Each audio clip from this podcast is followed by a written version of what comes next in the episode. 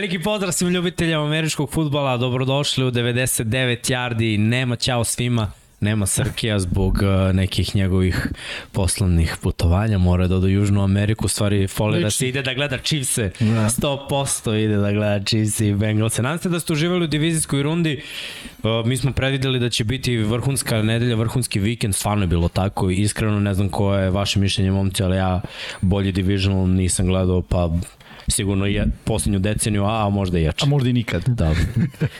da, da, bio odličan bio odličan stvarno i ono četiri utakmice koje smo samo mogli da poželimo da gledamo, mislim da smo da smo gledali. I nekako moje mišljenje je ono četiri utakmice, osam ekipa, stvarno osam najboljih ekipa u NFL-u u tom trenutku. Da li je neko bio bolji u jednom trenutku sezone, da ili ne, ali u ovom trenutku zaista smo gledali ono osam najboljih ekipa i četiri top utakmice. Ja ne, ne pamtim kad sam gledao u jednom danu, čak i kad je regularan deo da. sezone, da. kad ima dosta utakmica, ono četiri toliko uzbudljive utakmice. Da. Sve na jedan posjed. Da, da, bukvalno to sve se vršilo na jedan posjed, poslednja akcija Maltene, tako je bilo neverovatno stvarno.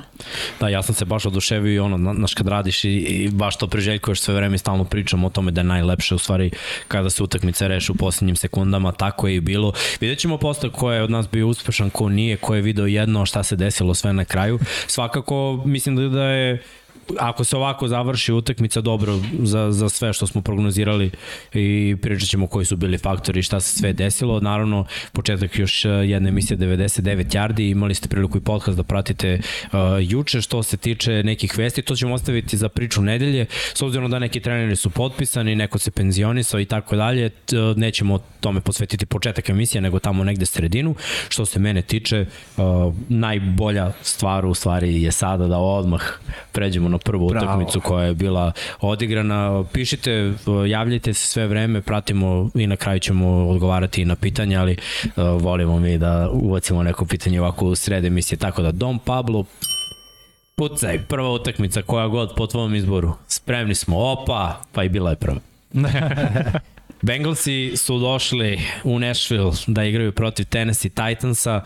Uh, sad, mišljenja su nam bila podeljena. Ja znam moje, ne, ne mogu se setim koja, koja je bila vaša ali meni je delovalo da je Tennessee jedan defanzivno jak tim na liniji skrimidža, da, da ofanzivno mogu da uspostavi igru trčanjem, da će Henry biti faktor na ovoj utakmici. Onako malo sam ispustio zbog te poslednje dve sezone, ili možda čak, ajde da kažem i tri, Rajana Tenehila kao, kao tu potencijalnog čoveka koji, koji može da upropasti tenis. I šta smo videli u Cincy isto koji u prvoj utakmici, to je ekipa koja ne sme biti otpisana. Ekipa koja može vrlo brzo da postigne poene, ekipa koja ima sasvim solidnu odbranu, na ovoj utakmici tri intersepšana.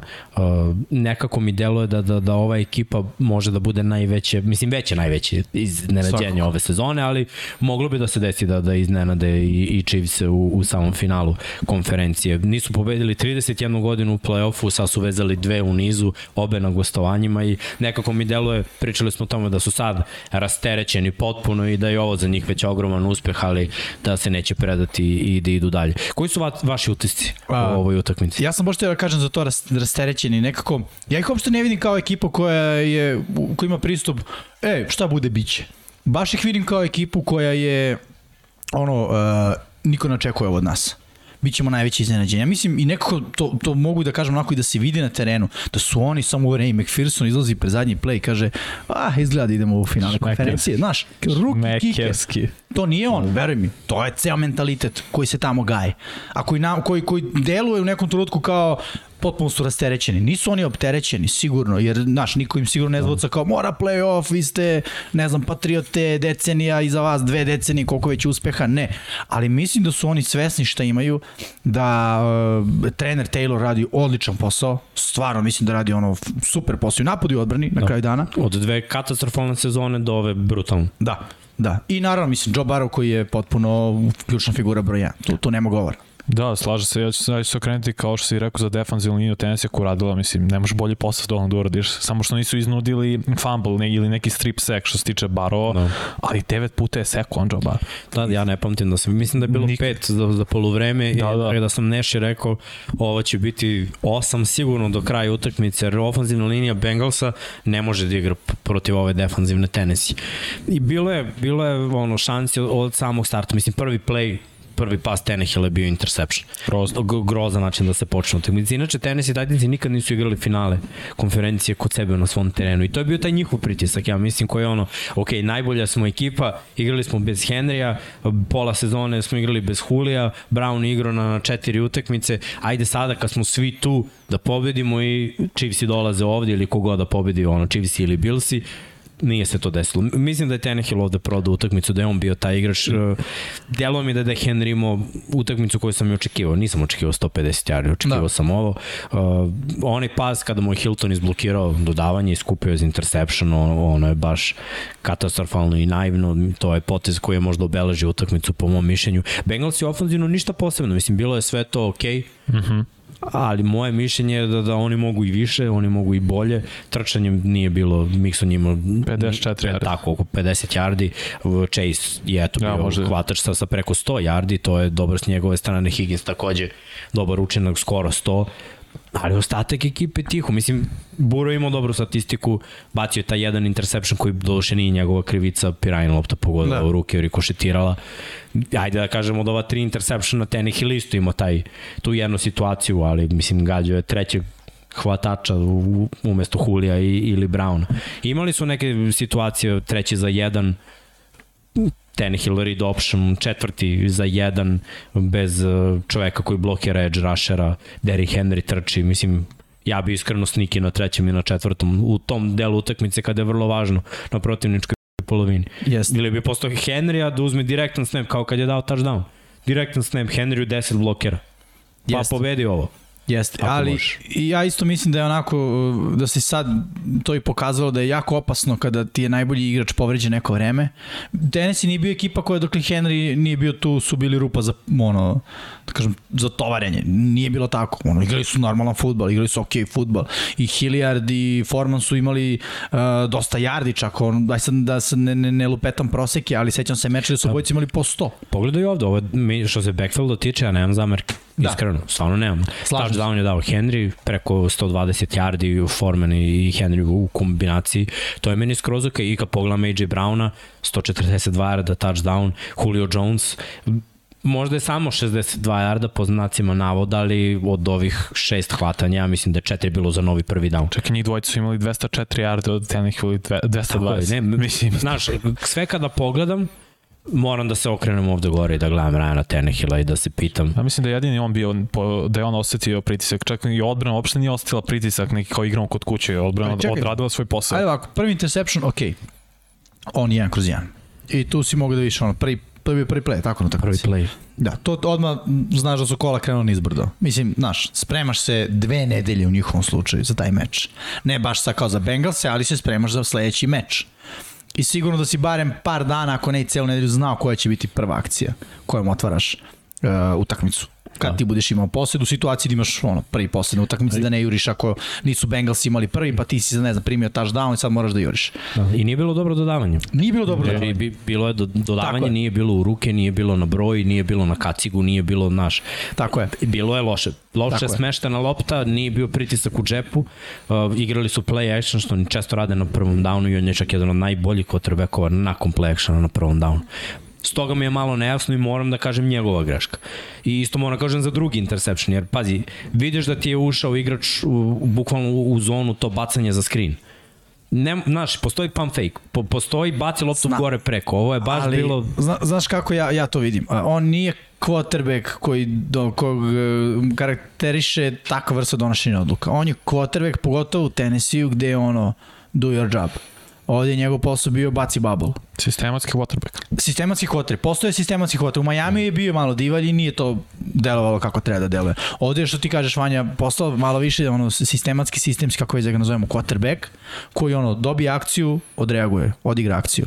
U ovoj situaciji, znaš, ok, slažem se, on, mislim, nije robot, on mora da donese Da, to odluku je i malo, improvizacija. No. Mala improvizacija, jeste. Što kaže da je samo zastao, možda čak i da nije bacio da. pump fake, da je samo zastao, mislim da bi ovaj skočio i da bi on onda mogao... Čovjek nije kako u vis. Da. Nije kako u vis i unapred. Da. Znači, proleteo bi sigurno. Jeste. Ovako mu je skinuo loptu i uzeo, mislim, Jeste, ali hoću da kažem, to je po meni više ono odličan play defanzivca Jeste, Hilton nego što je katastrofalan play quarterback. Mislim, znaš, takve stvari se dešava. Viđali smo interception da quarterback baca ono missile screen na, na hvatača, gde bloker ne odradi svoj posao i cornerback preseče taj pas, što je nenormalno teško, mislim, to se viđe jednom u sezoni. Mislim da je bila kombinacija jedne i druge stvari, prosto je Tenhill to odradi automatski, kao aha, ovo je Vidi. akcija, paf, bacam, uopšte ne gledam kako odbrana reaguje. Šta su neki, um, e pa, to sam sam htio da kažem, šta su neki ključni ridovi kao quarterback? Vidiš blic, bacaš pas tamo da ide blic. Ok, on nije baš, ne mogu da kažem da je video blic. Ovo je bila dizajnirana akcija da bude bubble. Bukvalno se samo potrefilo takav play calling u napadu, a protiv njega ono, ne znam, ne mogu sad kažem idealan play calling, da on nije napravio interception, to bi bilo ludilo. Dva blokera na kornera i safety, a ovaj, drži, ovaj hvatač koji ima već loptu u rukama, to je minimum 15-20 yardi, da nije bio interception. Mm -hmm. Mislim, realno. Jer to je bio DB, to je bio nickelback koji je krenuo u blitz. Hilton, da. Da, koji je krenuo u blitz, znači on kreće u blitz, šta ostaje pozadi? Corner safety i linebacker koji treba da trči od, od unutra ka spolja. Situacija za Titanse, ako su blokovi dobri, može čak i touchdown do kraja. Tako da, a, a, taktički gledano, akcija pozvana, mislim ono, ok, kad ide blitz, baciš to, e sad šta je problem, što je Hiltonova reakcija stvarno bila brutalna. Jest. Mislim, ne viđa se, ono se stvarno ne viđa. Da onako presečeš loptu i, i, i da je vratiš. Dobro, ja sam pričao u off-seasonu da, da je Hilton najbolji potez. Najveći gubitak za Steelers Da. i njihovu odbranu. A na kraju se ispostavilo možda i najveći dobitak za uh, Bengalse, za, za njihovu odbranu, jer definitivno je pokupio mnogo toga. I ove godine je najzaslužniji zato što taj secondary funkcioniš. Imaju oni i druge Ima i Jesse dobre Bates, moramo agente. stvarno da ne, ne, pohvalimo. ali Jesse Bates je tu već neko Da, da, vreme, da. ne mogu da kažem, znaš, on Da. je bio dobar i dalje je tu. Jeste. Ali mi je nešto falilo u sekundariju, pa su do, doveli Avuzija, pa su Tako doveli Epa i sad, znaš, baš su rekonstruisali secondary. Da. I, I dobro je što jesu. Jest. I samo da se vratim na ono malo pre. Bubble nije akcija koju baš bacaš kada je blic. Baš zbog ovih stvari. Bacaš ono, blic ide, da kažem, ka napred, ti bacaš iza blica. Ovo nije iza blica, ovo je, da kažem, u smeru blica. Jeste trebala da bude bolja reakcija od Tenehila, da je Tenehill neki ruki, neki kotrek u drugoj, trećoj sezoni, pa da kažemo, dobro, ok, iskustvo, naučit će, znaš. Nije i to jeste problem. Ali e, nekako ne mogu samo da, da, da kažem Tenehill je kriv. Bar iz, gledam iz svog ugla. Vi, većina ljudi je u fazonu, ok, Tenehill, to je to. Ali gledaj, ajde ovako, odbrana, jedan touchdown. Da, 19 pojena primili, mislim, to je... Tenehill im je dao loptu dva puta na Da. da. polovini terena. Skraćen teren. Šta, šta, da, šta ćeš da zameriš odbrani što su dozvolili field goal? 9 sekova. Da. malo promašenih oba. Ba, baš je bilo malo grešaka odbrane. Napad preko 130 yardi trčanje. To je jako dobro. Jeste. Na- Znači, na kraju kraja, znaš, negde moraš da kažeš šta nije bilo dobro. Tri izgubljene lopte. To nije bilo dobro. Istina. Ko je bacio te lopte? Da, Tenehill. Tenehill, Znači, moram da, da kažem, Ali- on je. Da, treći interception, meni uopšte nije on. Ali njegov rid, znaš, to, Ok, to je... slažem se što ti kažeš gađa ono petog hvatača umesto da gađa ali tog petog hvatača lopta se odbija od ruke ide u vazduh Ne, ne, je i, okej. i, i interception. U ne, u pravu si, ali opet Tenehill, mislim, Tenehill očigledno je faktor koji limitira Titans. Tako je. Evo gledaj sad ovo, dajmo primjer. Znači, Titansi su bili finale konferencije. Nakon toga su izgubili prošle godine u Divisionalu. Uh, izvini, u Wild Card, Wild Wild card, u da. prvoj od, od Baltimora. I, I onda sad razmišljamo ovako, ok, ti Tennessee Titansi deluju kao kompletan tim quarterback im je limitiran. I sad kažeš nije, nije ruki, ali nije, ne spada u onaj niz improvizatora. Da. Meni ovo, znači ok, on je upgrade u odnosu na Markusa Mariotu. Ali je pravo pitanje koliko daleko možeš da stigneš sa Ryanom Tenahillom na poziciji quarterback. Koliko Dobro, je vidi. Tenehill već u tenisi? Ovo mu treća sezona, zar ne? On je odigrao tri sezone u tenis. Da, da, Sad ali- ide četvrta godina. Mislim da je prve godine, to je za- zajedno, pošto je prvo odigrao pola drugu, tu godinu prethodnu da je baš odigrao sjajno. Da su došli u finale konferencije. Da, da, gde ni, uh, ekipe nisu imali dovoljno tejpa u ovom sistemu.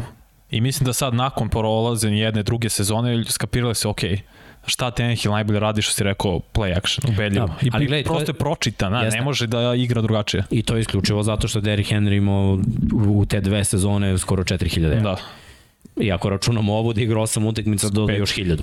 Da. Znači, sa takvim running backom i ovim sistemom i odbranom ko, koja te drži u životu, ok, ra- razumem. Tri sezone. Znači, ovo mu treće. Ovo Da. je treće, tako je. Da, da, i kažem, 19. ide četvrta sada. Ja mislim da je potpisao ugovor da, da je tu i sledeći. Jeste, jeste. Da, ja mislim.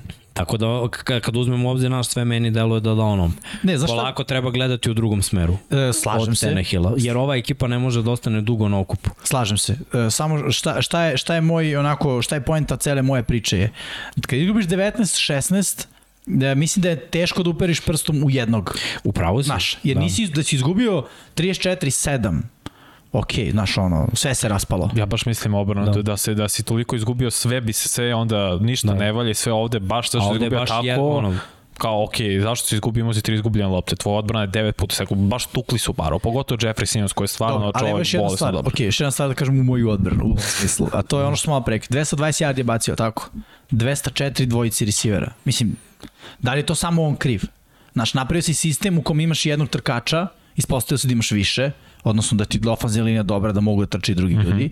I napravi sistem u kome kada AJ Brown ne igra, ti nemaš igru. Ša, Julio, kada AJ Brown nije igrao, Tako je. nije imao nikakvu statistiku. Znači, nije samo Ryan Tannehill. Yes. Mislim, moramo da pogledamo malo i širu sliku. Onda Meni se ciljamo... više sviđala prošla Aha. godina kad je bio Arthur Smith e, pa tu. to, bravo, bravo. E, seti se Corey Davis. Corey Davis ove godine u Jetsima ne postoji. A dobro, nije igrao celu sezonu.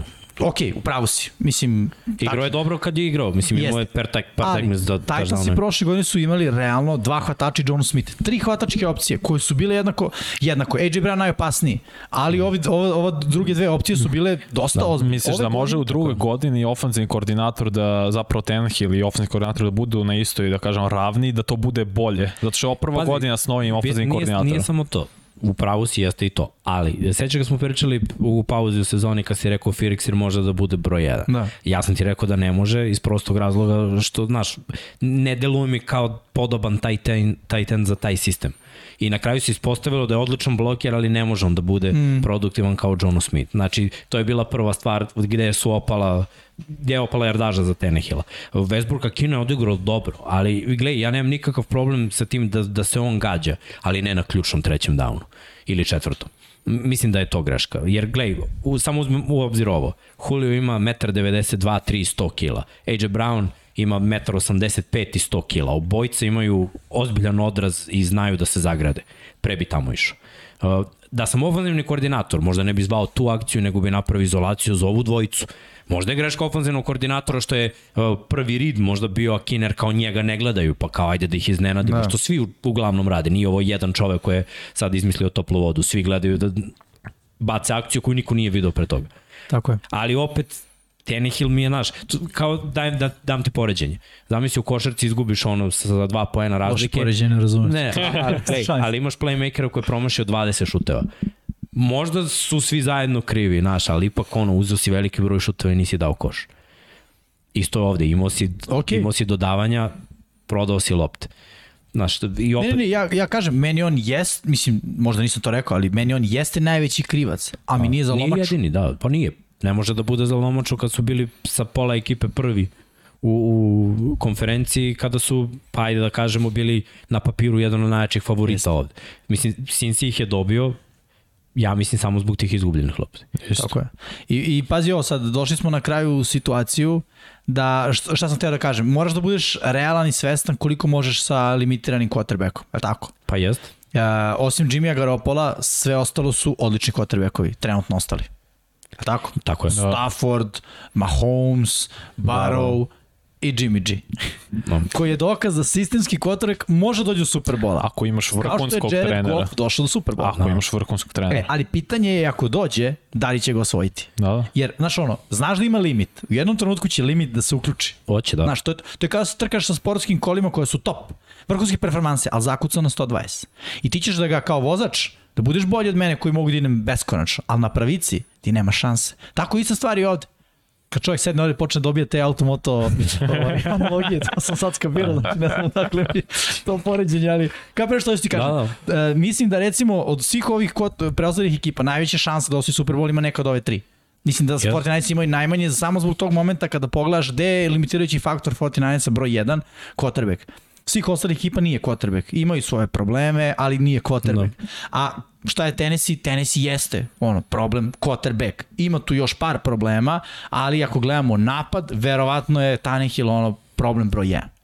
Pa da, Mislim, bolje nego što je bilo, ali za njihove ambicije nije da, dovoljno nije dobro. dovoljno dobro, I, I to je to. Što se tiče Bengals, ajde, mislim, mi sad ovo skinuli smo ekipu koja, koja je ispala, morali smo malo više pričamo o Tennessee-u, jer u Cincinnati možemo i u najavi sledeće utakmice protiv Chiefsa i tu možemo da pomenemo šta je sve bilo, ali ovo je bila dobro odigrana utakmica Bengalsa, jedna izgubljena lopta, ne graškom quarterbacka, već graškom running backa, odbrana je osvojila tri lopte, to je dobro. Pritisak je bio malo to je tamo. slabiji, ali opet govorim da je meni je ovo bio meč gde sam video da je Tennessee jači na liniji skrimidža, to si pokazao. Da. Sad u ovom sledećem match-upu više nije tako. Jer Tennessee možda u AFC-u ima najdominantniju liniju skrimidža, ako uzmem i napad i odbran. U AFC-u. U NFC-u je to San Francisco. I gle, mm. oba sjajna sistema sa sjajnim stručnim štabovima gde quarterbackovi su najveći u stvari znak pitanja. Ali ovo sve pohvale za Bengalse, i ovaj, možemo da idemo dalje. A? Da, ja bih samo rekao taktički odlična priprema, no. mislim i jednih i drugih i jeste prelomna stvar, mislim to je logično, jesu bile izgubljene lopte, da Titans imali više i mislim nekako ono, Bengalsi po meni potpuno pokazali su zrela ekipa. Da, ispostavilo se na kraju ovom divisionalu ko više greši, da je na, da na kraju izgubio. Mm. Nije, nije se dešavalo, uh, ok, ne mora greška uvijek da bude izgubljena lopta, može greška da bude i nešto drugo, ali eto, u principu, ako grešiš, ne ideš dalje. Da. Ajmo, Pablito, pucaj. Pa ne srđana baš sad s ovim, ali dobro. 49ersi protiv Packersa. Ja sad, e. ajde ovako da krenemo. Prvi napad, savršen od strane. Dominantno. Packers. Dominantno postignut touchdown, Dillon ga istrčao, međutim Dillon se povredio vrlo brzo nakon toga i mislim da, da onako kad napraviš game plan, da igraš protiv ove odbrane 49ersa, treba ti Dillon. Zato što je on bukvalno tank. Njega kad izgubiš, odustaneš malo tog trčanja između teklova. Jako je Aaron dobro trče između teklova, mislim da je posle taktika bila ajde da on hvata jer nam je to prednost. On je izdominirao ovde hvatanje. 120 yarda. Devon Adams je jako krenuo u utakmicu. Ali u double coverage, u double coverage se teško živi, još teže trče rute, a najteže hvata. Tako da je to bio problem. Morao je Rodgers da se okrene ka drugim igračima, nije se desilo. Defanzivna linija je odnala pobedu na liniji skrimidža, defanzivno 49 Mislim da sve vreme ofanzivno onako bila na petama, što nikad nije dobro za Rodgersa. E, meč je bio neefikasan, bilo je prehladno, padao je sneg. Pokojno sve, sve oni old school futbol o kom, kom smo pričali, on nekada što smo ga gledali, mm. ovo je bila utakmica normalna za playoff pre 10-15 godina, ovakva je bila svaka ne. Defanzivno i jedni i drugi. Pohvalio bih odbranu Green Bay. Odbrana Green Bay je pokazala da je legit ove, ove sezone, jer oni su zapravo dozvolili ovde šest poena. Da. Ajde da, da ne računamo ono, u stvari ako odbiješ i specijalni tim još manje. Znači 49ersi bukvalno ništa nisu uradili do, do treće četvrtine. Onda su se malo probudili. I onda smo videli u stvari koliko Dibo Samuel mora da nosi ovu ekipu. Ja da, da. mislim, opet je imao i trčanja, opet je imao i hvatanja. Uh, videli smo šta znači jaka linija scrimmage ofanzivno, gde je malo defanzivna linija Packersa zakazala, ali opet bez nekog uh, uh, krajnjeg produkta. Nije bilo ono kao je zakazali su ide big mistake sad baš eto za touchdown. Da, da. Nego sve sitno. Jimmy to voli da kaže ono bend but not break. Da, da. Ono to, savijali su se, ali nisu pukli. Čak nisu ni toliko, ni 100 yardi čini se nisu imali Fortnite trčanjem, gde su oni obično ekipa koja ima 130, 140, ni sad. Nije bilo lako. Nije. Da. Nije uopšte bilo lako i kada pogledam Jimmy G opet ima interception, znači ovo je još jedna utakmica da, da je imao interception. I idemo na najslabiji deo ekipe Green Bay, cijela godina ovo pričam, specijalni tim. Poslednji su da. u NFL. Da. Čak i neko bio i postavio pitanje pre nekoliko nedelja, da li mislite da će specijalni tim Packersa da košta Superbola i mi smo rekli moguće. Jer to je ono legitimno treći segment igre. Mislim, možda nije 33%, ali neki 25% ako gledamo realno. Pa mora pantaš, mora šutneš field goal. Mora šutneš da. field goal, mora šutneš kick-off. Tako je, izblokiran field goal, uh, izblokiran punt, vraćan za touchdown. Vraćan za touchdown. Znači, to je 10 poena. To je 10 poena u utakmicu koju primiš 13. Dobro. A daš 10. To je 10, to je 10 poena previše. Moram kritikujem Rodgersa koji je samo imao tri hvatača su imali hvatanje. To je e pa, baš neprihvatljivo. Slažem se. Baš za kvotere koji je taj kalibar i koji je stvarno jedan najboljih ikada da ti da tvoj hvatač, to je da imaš tri hvatača zapravo. Imaš Aaron Jones, uh, Adams, ne znam, i neko imao jedno hvatanje. To je baš neprihvatljivo. Mercedes Lewis koji je fumble to je jedno hvatanje. I to. Njemu se ne računa hvatanje, nego ima još neko, to se na kraju nije računalo njemu kao hvatanje. To je baš neprihvatljivo. E, znaš šta je moj utisak? Moj utisak je taj da prosto ne možeš da budeš uspešan ako će ti loptu hvatati jedan igrač. To je ono, znaš. Uh, eto, pričali smo malo pre o tenisiju, dva igrača, 220 yardi pasa kvotrbeka, 204 su dva igrača. I ne, mislim, ne možeš, mogli su da prođu, ok, i da su prošli, samo bi se onako zavaralo ceo taj sistem, ali ja prosto mislim da ono ne možeš da osvajaš i nekako sad kad probam da se setim unazad, ono svaka ekipa koja je osvajala u poslednjih nekoliko godina, to su bile ekipa gde ne moraju da budu sve zvezde, ali Mora ekipa, bude produkcije. Mora bude produkcije. Znaš, ono, kad pogledaš Remse, na primjer, pričat ćemo poslije o njima, ali u svakoj utakmici Stafford baca loptu velikom broju igrača, veliki broj igrača ima, ima hvatanje, znaš. I, i, i to te rasterećuje kao quarterback. Jeste to Aaron Rodgers, sad možemo da diskutujemo da li je najbolji jedan od top 5, ovde nije ni bitno, ali čovjek je dobar i iznad dobar, ono, vrlo dobar. Vrlo dobro odličan, kako god. Uh, I Adams je brutalan, a ko što Miksa kaže, ono, život u double teamu je težak život. Da. Težak život.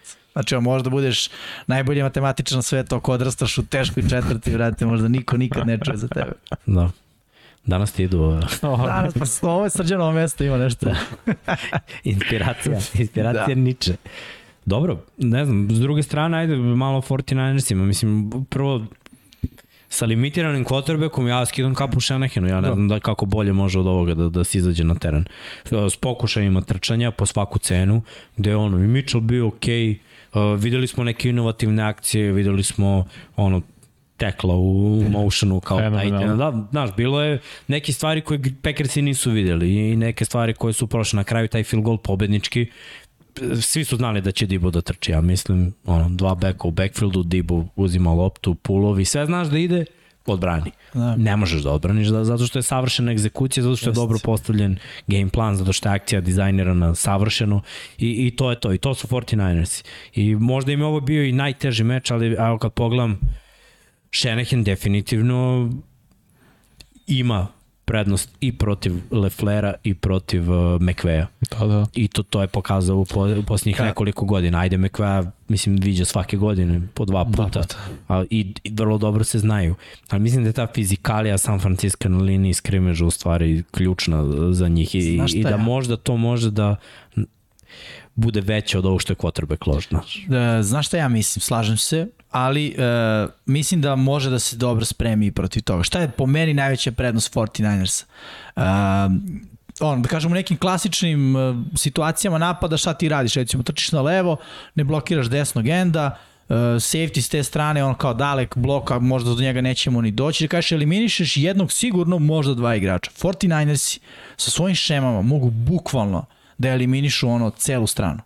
Jer šta oni rade sa motionima, kreiraju dodatnog igrača koji dobio loptu u punom trku, ne blokiraju već jednog enda, pulovi koji ono idu na stranu gde se akcija dešava, potpunosti čiste put, a ispred tog čoveka koji nosi loptu, da kažemo trkača ili Dibo Samuela, ima lead blok. Znači, to je šema nestvarno teška za branjenje. Nestvarno teška za branjenje. Zašto? Zato što ti ne znaš zato što nije to, da kažem, ne dešava se svaki play. Nekad se desi to, a zapravo se bude neki reverse ili šta god, da Dibok Samuel krene da loptu nekom drugom hvataču, da sve izgleda kao da će biti ta akcija, se zapravo magija desi na, na drugoj strani ili da uh, Garopolo povuče loptu, baci neki brz slant i nešto. Mnogo teško za branjenje. Jer njihovo trčanje, ono, i Packersi su, da kažemo, uspeli da zaustave to trčanje. Rekli smo ispod 100 yardi za, za 49 ili oko 100 yardi što je realno uspeh protiv njih i to nije imao jedan čovek, nego su morali da se, da kažem, rotiraju, mm -hmm. i Mitchell i Dibo Samuel, Bili smo malo pre 60 yardi, čini mi se obojica, oko 60 yardi. Mi, Dibo ima opet... 39, da, a, uf, se, a Mitchell ima 53. Mislim, malo je. Pogotovo, to je limitirano. Da, pogotovo što ti kaže, oni realno idu sa sedmoricom bloka. Ako i ček ubaciš, ubaciš i Kitla, a, Kitla odmah sedam. No, znači, odmah sedam plus Trent Williams koji je najbolji tackle koji gazi ljude. Prosto je tako napravljen. Tako je to ne možeš tek tako. Vidi, time stvaraš ono što mi se kaže, stvaraš uh, fizikalan futbol. Da, da. Mislim, realno, veći broj tela imaš na liniji skrimidža, koji su u brzini. Logično da će dobiti taj duel. Znaš, ti kao defanzivac imaš neke svoje ključeve koje treba da pročitaš, da možda sačekaš delić sekunde da vidiš da li je ili nije i tu te oni ono, razmontiraju, bacete na pod, e, ide sledeći koji istom tom, znaš, ono, baš su, blokovi su Pazi, fenomenalni. Packersi su imali defanzivno do neka dobar mismatch, jer evo ja kažem Kittle protiv bilo kog linebackera, Ramsa, biram Kittle svaki dan. Prvo, jačije, videli smo kako baca defanzivne endove na, na, na, da. da ne kažem sad na zadnjicu, ali ovaj, pazi, zamisli linebackera. Trtica. To je lako, ali ovde De Devondre Campbell odradio dobar po, mislim, linebackeri Packersa su igrali jako dobro Jesu. na ovoj utakmici. Zato nije mogla da se razvije igra. I Kittle jeste imao ovih 60 yardi u prvoj utakmici, ja mislim da imao jedno hvatanje. Da, da. Bilo, je, bilo je jako teško igrati pr- protiv malo pokretljivih. Sad protiv Ramsa mislim da, da će imati malo lakšu priču, ali to je taj big boy futbol. Izađeš Jeste. u jakom personelu sa taj tendovima, fullbackom, running backovima i izvolite. Mislim, još je teže kada motionuješ Debo u backfield. To je nenormalno teško. Da, on ti je corner, mislim, samo play outside. Jest. Šta- Nema šta da radi. Neće Sad- ono napraviti. Sad razmišljam, malo ću pogledati u ka budućnosti sa Trey Lancom, kako bi to tek izgledalo ubitačenje. Opa, i Znači, to Lance, može da trči. tako je. A jeste, ali znaš koja je stvar što bah, u jednom vidi, sad oni da dođu do Superbola, sledeće godine su svi maksimumni fokus na 49ers. Jeste. Ipak su one, oni ove godine, bah, da kažem, malo iznenađenje. To je bio drugi Mislim, realno, Super Bowl u tri ekipa- godine. Da, poslednja ekipa NFC koja je ušla u, u, u, u playoff, je tako? Da, da. njihov meč je bio ono, da li će, neće, oni Tako šta će da. se desi. Oni su ušli. Tokom cele sezone bilo je, e, prošle godine povrede, ne znam šta da očekujemo, njih Jimmy G znak pitanja, pa povreda Kittle nije, nije neko vreme igrao. Jimmy G isto propustio koliko tri utakmice. Jimmy G, znaš, i sve su to bile stvari koje nam nisu ukazivale da ćemo da ih vidimo ovoliko daleko. Isto.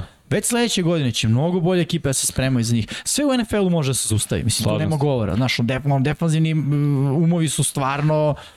Napad obično diktira. Sad je takva, takva era, da kažemo. Napad diktira uh, kako će da se igra, ali odbrambenim, uh, to jest defanzivnim uh, koordinatorima i trenerima generalno treba možda maks jedna sezona da kažu aha, okej, ovo branimo na taj taj način. E, zašto? Uh, što kaže, sve je već izmišljeno. Ti ne možeš da izmisliš manje više ništa novo. Ne možeš, ali ajde, ajde malo se vratimo unazad. Kada je imao Roberta Griffina, napad Washingtona je bio nerešiva enigma. Da, da. Ok, u Atlanti najbolji napad. Onda je došao San Francisco i, i dalje naš. Trebalo je vremena, da ono, kad je došao Jimmy G u prvoj godini, on je dobio šest utakmica, prvih svojih šest, Da. da. a poslednjih šest u sezoni. I, I nakon toga su bili u Super Bowl.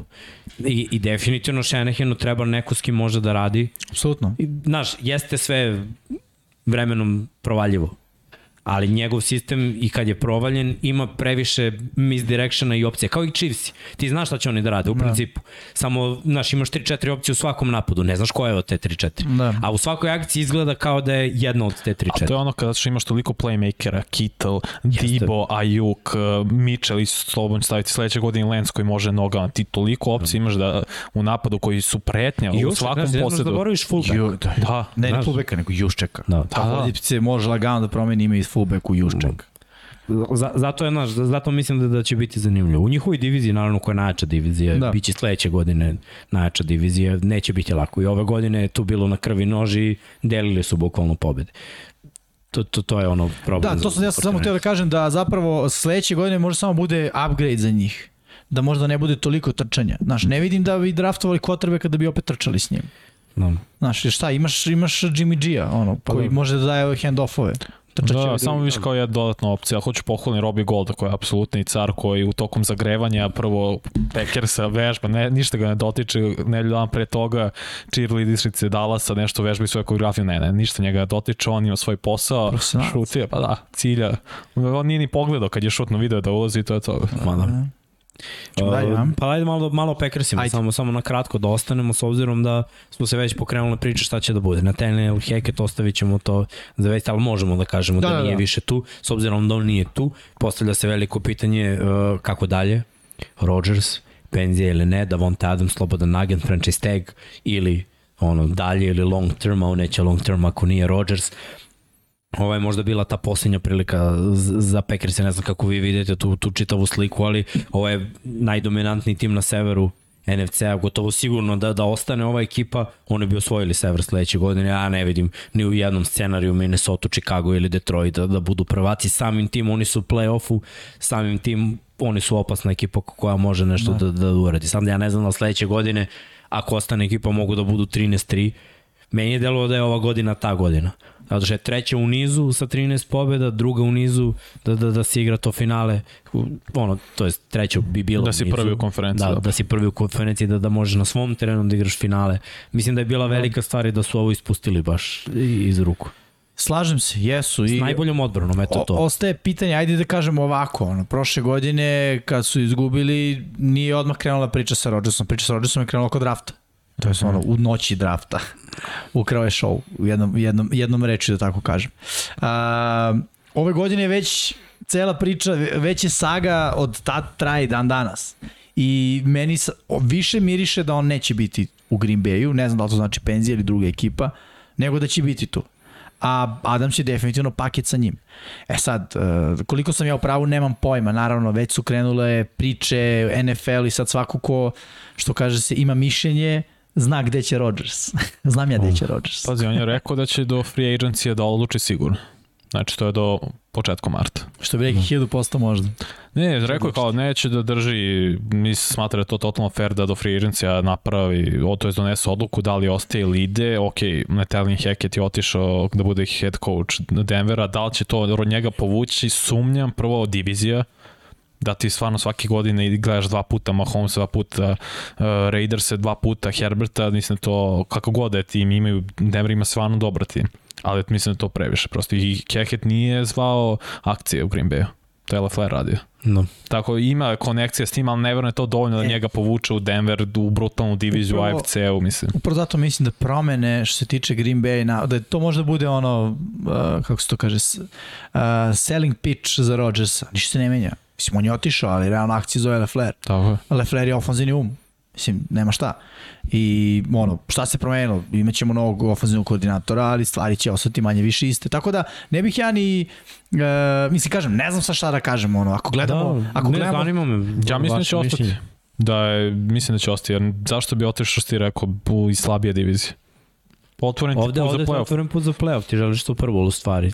Pa dobro, ne može mislim, otvoreni od ove divizije. Trenutno. Istina, O, istina. Gde si već legan, da, da već, mislim ti ako ostaneš, Adams ostaje. Da. Pa makar na to A Tonjan se vraća, Znaš, bar na jednu Baktijari se godinu dana vraća. Tonjan je važan ključ koji nisu imali ove godine. Ne, ne, vi to što pričate logički sve ima smisla, znaš, ali ja mislim da ima nešto i što nije samo puka logika u smislu, znaš, ja, mi sad ne znamo, pazi, to je ostavilo nekog traga na njega, ono, cela priča koju on priča, on je hteo da pomogne, da bude, da kažem, scout u smislu da ono, priča sa igračima, da ih privoli da dođu pre u Green Bay, E, pa čitao sam da, da, da kao, on, mislim, on je izjavio da, da je odnos sa, sa ovim menadžer, Bolji. menadžerom, Ma da, da, ne, ne mnogo bolji, bolji. nego mnogo bolji. Da. Da, da, da. Ba, baš tim rečima.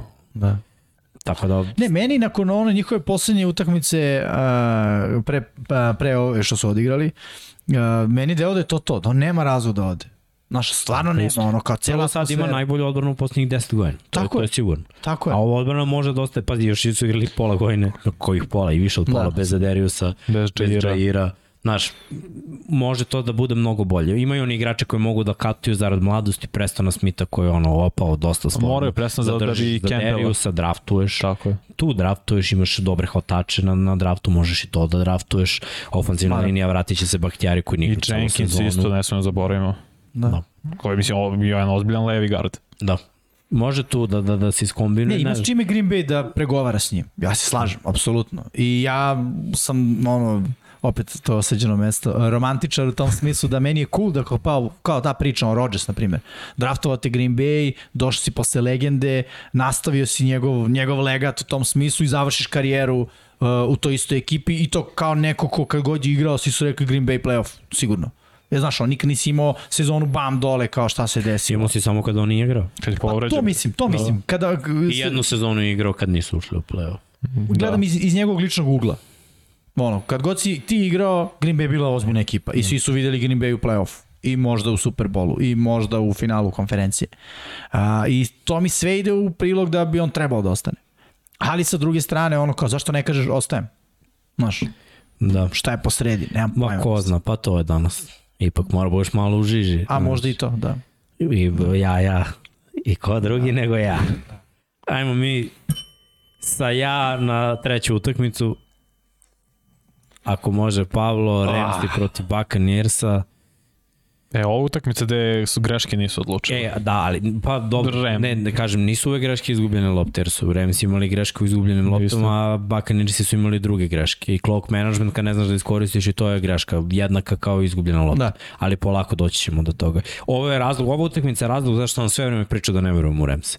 I bar malo se obistinulo. To oni jednostavno, kad im, imali su šahmat u prvom poluvremenu, nisu iskoristili. Uh, neverovatne su mi neke stvari koje oni rade i ne, ne mogu to da razumem. Ponekad mi, mi je njihov pristup kao, kao da ono McVay smatra da je svemoćan i da je nepogrešiv, a mnogo puta smo videli da, da, da pravi greške i da nije svemoćan. Akers nije igrao jako dugo. Meni je neverovatno da su oni Mišel imao prvo jedno nošenje. A dečko je bio top neverovatno. 3 h- trkač u decembru. On, Rashad Penny, znači su imali preko 100 yardi po utakmici.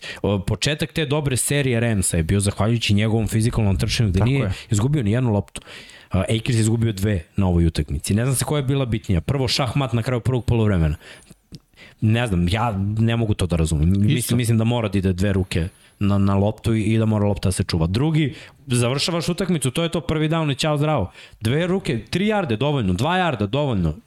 Dve ruke na loptu, ne možeš ni daš loptu. On im je dao dve lopte. Cooper Cup je napravio ali ajde, Cooper Cup se posle iskupio zašto ima 200 yardi bukvalno hvata. Uh, jedan loš snap, ne mogu da krivim Stafforda, mislim da je ovo bila njegova najbolja utakmica u play-offu za sve ove godine i u Detroitu, pa ako računamo i ovu prvu Da, nije koju je igrao. puno. Nije ih imao puno, ali ovo mu je bila najbolja, najsigurnije. Jasno. Ne mogu njega da krivim, on čovjek menjao protection i odjednom ide snap, mislim. Centar nije smeo da izvede tu loptu Da, da, da. da. dok nije dobio znak. Pa evo ti dve- 28, 38, 366 yardi, dva touchdown, jedan je još istoča touchdown, mislim, Stafford je bio na nivou, ovo je razlog zašto su oni tradeovali za Stafford. Bukvalno. Jeste, ali ono što kaže Miksa i ja se e, pridružujem tome. Uh, ne možeš u play-offu, mislim, pazi, ti znaš da kad igraš proti Tampe, proti Tom Brady-a, realno, ili kad igraš proti Mahomes, da nema tog vođstva koje je sigurno. Znači, ne možeš reći, e, treća četvrtina, vodimo, lupam, 30 24, razlike, to je to, kraj, gotovo. Samo da lagano odigram do kraja. Ne može. Jer ono, Bog navija za te ljude. Bukvalno, ja sam u jednom trutku tweetovo Bog navija za Brady. Ovo je nemoguć sled događaja. Snap preko Staffordove glave. Akers gubi, uh, uh, cup fumble. Akers fumble.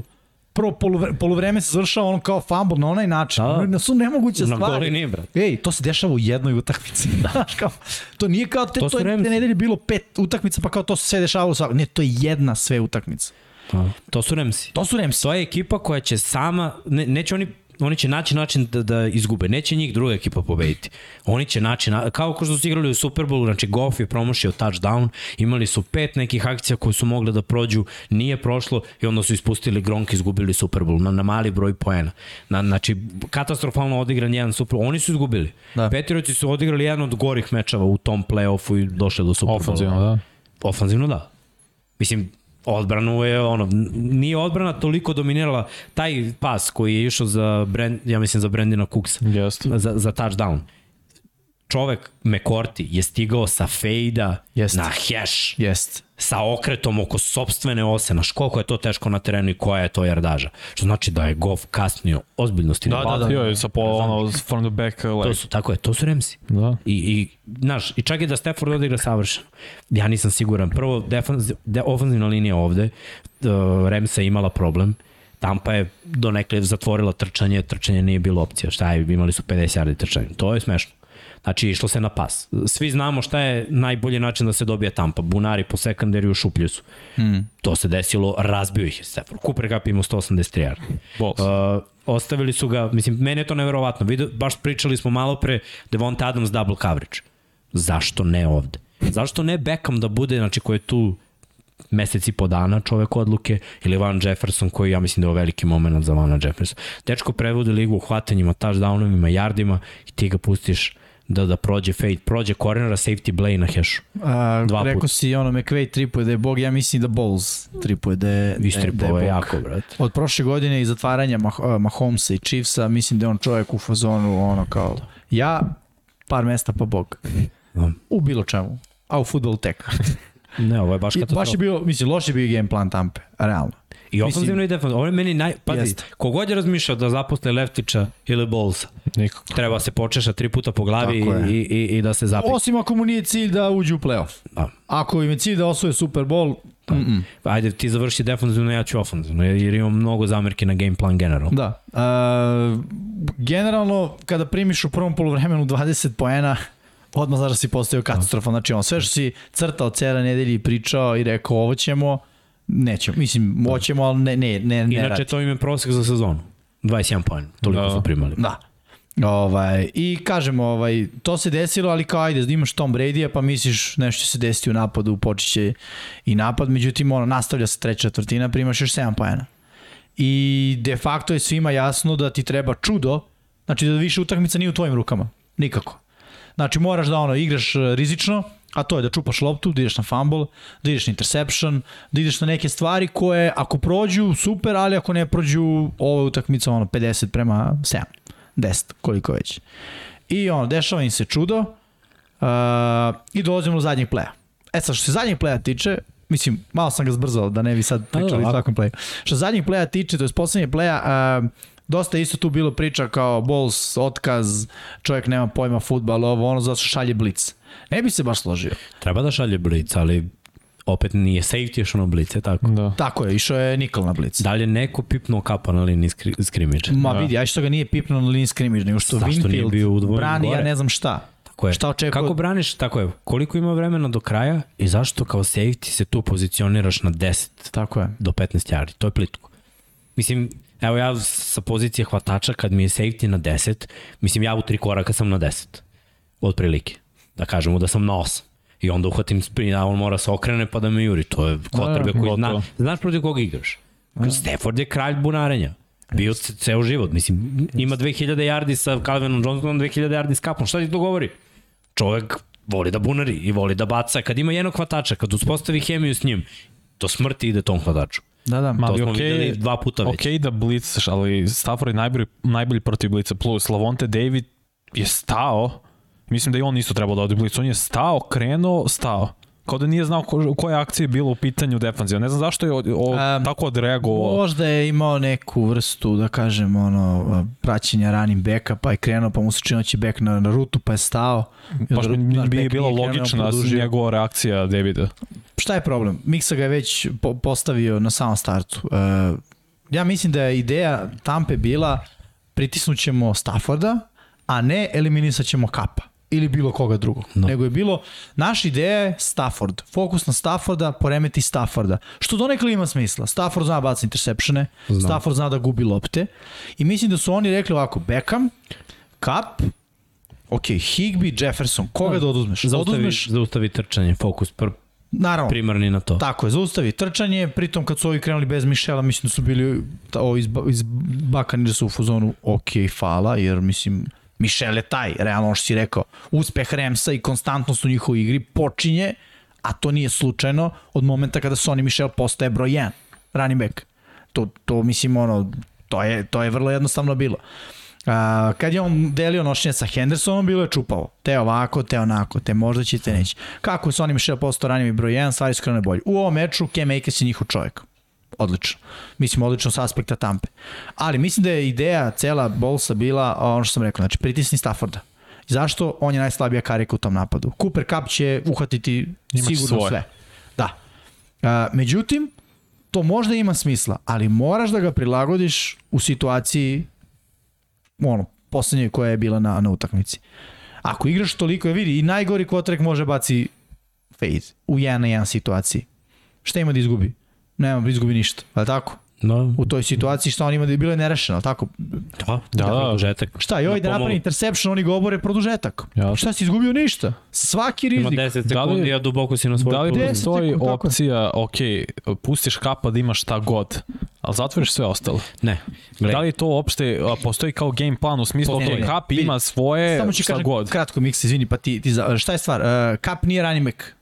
Tako, Mhm. -huh. kap je hvatač, znači on zavisi od quarterbacka. Ti možda pustiš kapa, a da pritisneš drugu stranu priče, odnosno quarterbacka, što je ovde bila ideja. Jeste, da. Ali mnogo ćeš teže da, da zatvoriš quarterbacka kroz ofenzivnu liniju i dodatni protection, Da, da. nego što ćeš... Evo, samo pogledaj Adamse kako su zatvorili. Znaš, i kad Da. Rodgers nije bio, on gleda, gleda, gleda, dve, tri sekunde, sad je već vrka, sad stiže pritisak. Mi, mislim da, znaš, ne smoš da pustiš, uh, Kap nije samo hvatač, on je game changer. On može promeni utakmicu totalno, može da ima impakt kakav niko nema. I to smo videli ovde. On konstantno u posljednje tri godine ima 10 targeta po utakmici. To je mnogo. Za poziciju hvatača, ja znam malo hvatača koji imaju toliki broj targeta. Na ovoj utakmici je takođe imao dvocifreni broj targeta i opet skoro 200 yardi. Što, što znači, znaš, da, da će on napraviti razliku. Moraš da ga zatvoriš. A taj secondary je najbolniji. Pre bih uh, gledao da, da u sekundariju pomognem nekome, nego da gostim jedan na jedan protiv najbolje hvatača u ligi. Da, zato je ono što smo pričali na početku sezone.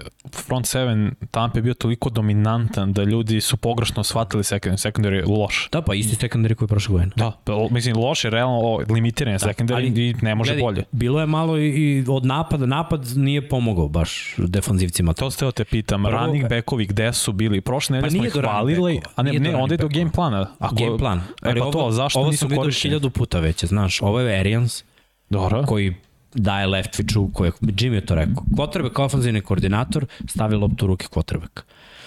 Što ne mora da bude. Evo gledaj prve akcije. On igra Madden, bukvalno. Braid je bio na fullbacku. Gronky Howard na tight endu. I Evans je kao tight end. Mislim, dečko ima 240 libri na 65. Da, 110. Znači, to, to, to ti je ono tight end.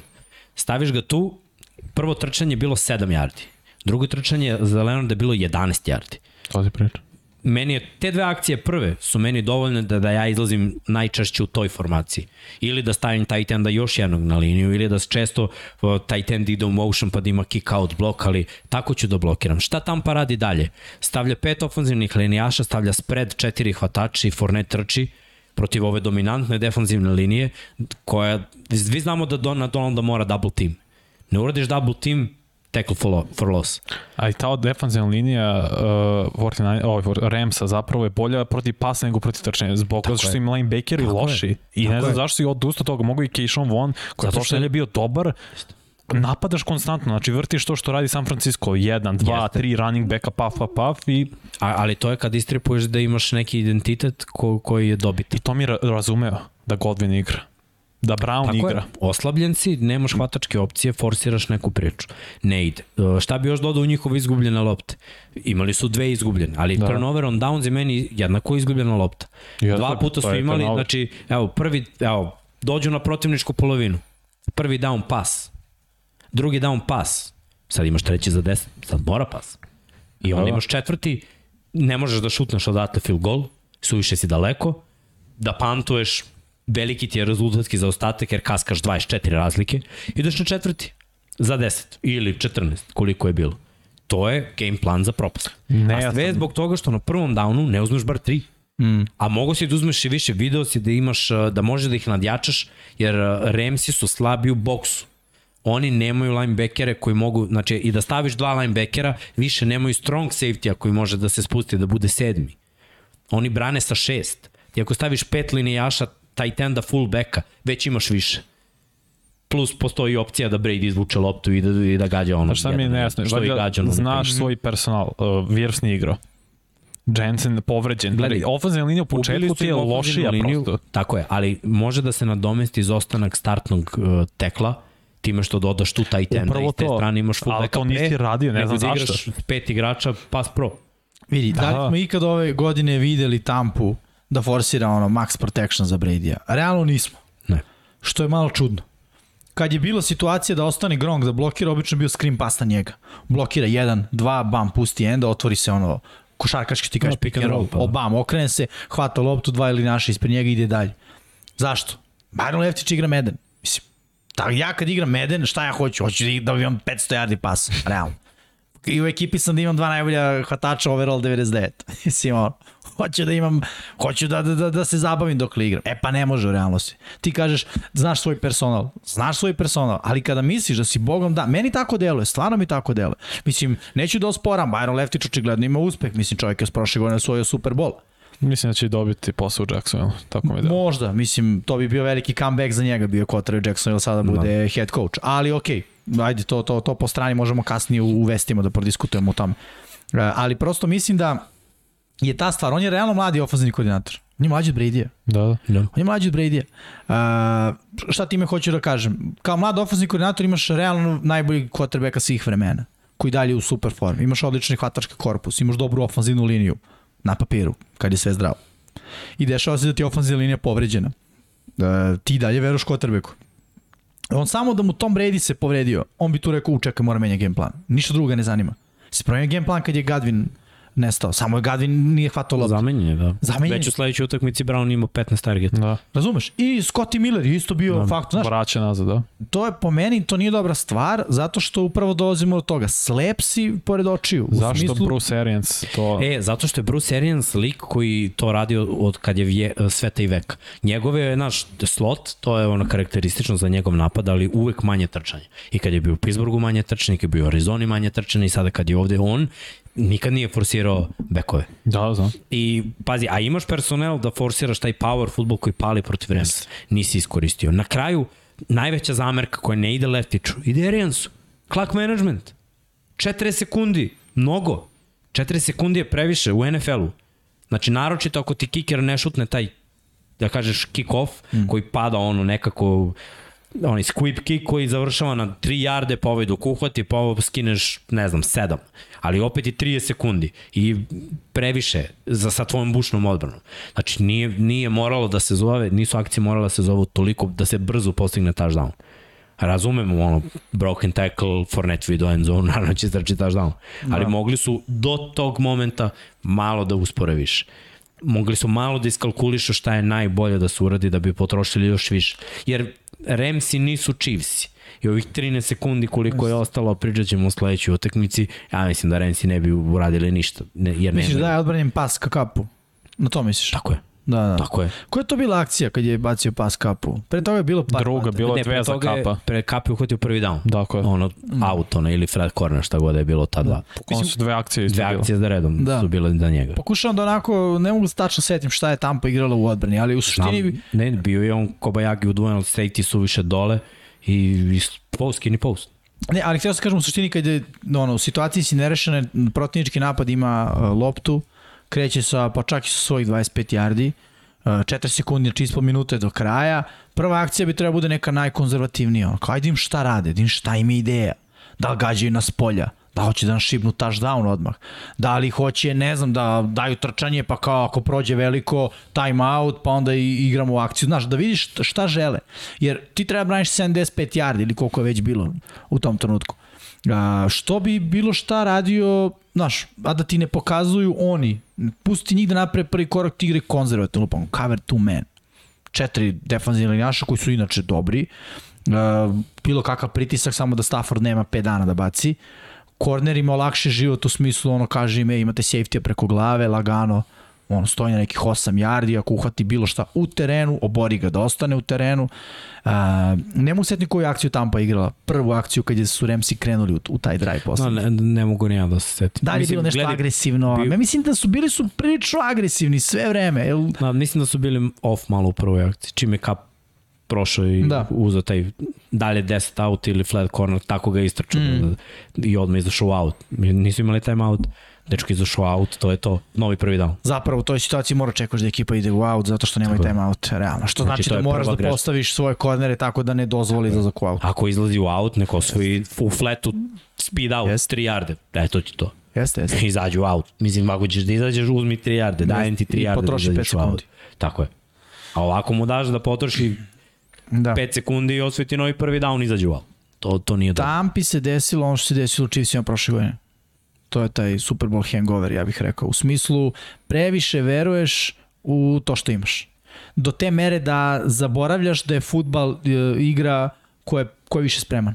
Ko bolje poznaje svog protivnika. To je, bukvalno futbal je danas to. Koliko si se spremio za ovaj meč? Ništa više od toga. Da, Mislim, ništa mislim više. da se Tampa baš nije dobro spremila za, za ovaj matchup i na kraju su bile kažnjene. Kao i Chiefs i Super Bowl Tako, Is- isto tako mislim da, da Ramsi n- nisu da je Tampa pobedila, rekao bi da je zasluženo pobedila. Ne bi rekao, ja Ramsi su bili bolji u prvom poluvremenu, jer njihove greške su ono, zaslužili su da izgube sa, sa ovim brojem grešaka. Kako ovo budu radili protiv 49ersa, Nema nazad. da, ubiće ih. Mada, Jimmy G može uvijek da ti No. da loptu kad se najmanje nadaš. Ali Shanahan, ja sumnjam da će ovakav game plan da napravi. Pa, Da. da, Znaš, da odustane od trčanja, a znaš da to ide protiv Ramsa. jest. jest. Tako da ono... Aj pričamo o tome posle, da, možemo dalje. Možemo da? dalje. Da. I još jedan meč nam je ostao. Tako. Da, da. Najbolji meč. Najbolji. E, taman prilika malo da Da napravimo pauzu da kažemo Like. udarite like, Udarite, Udarite subscribe, tako Koliko je, imamo ljudi gore.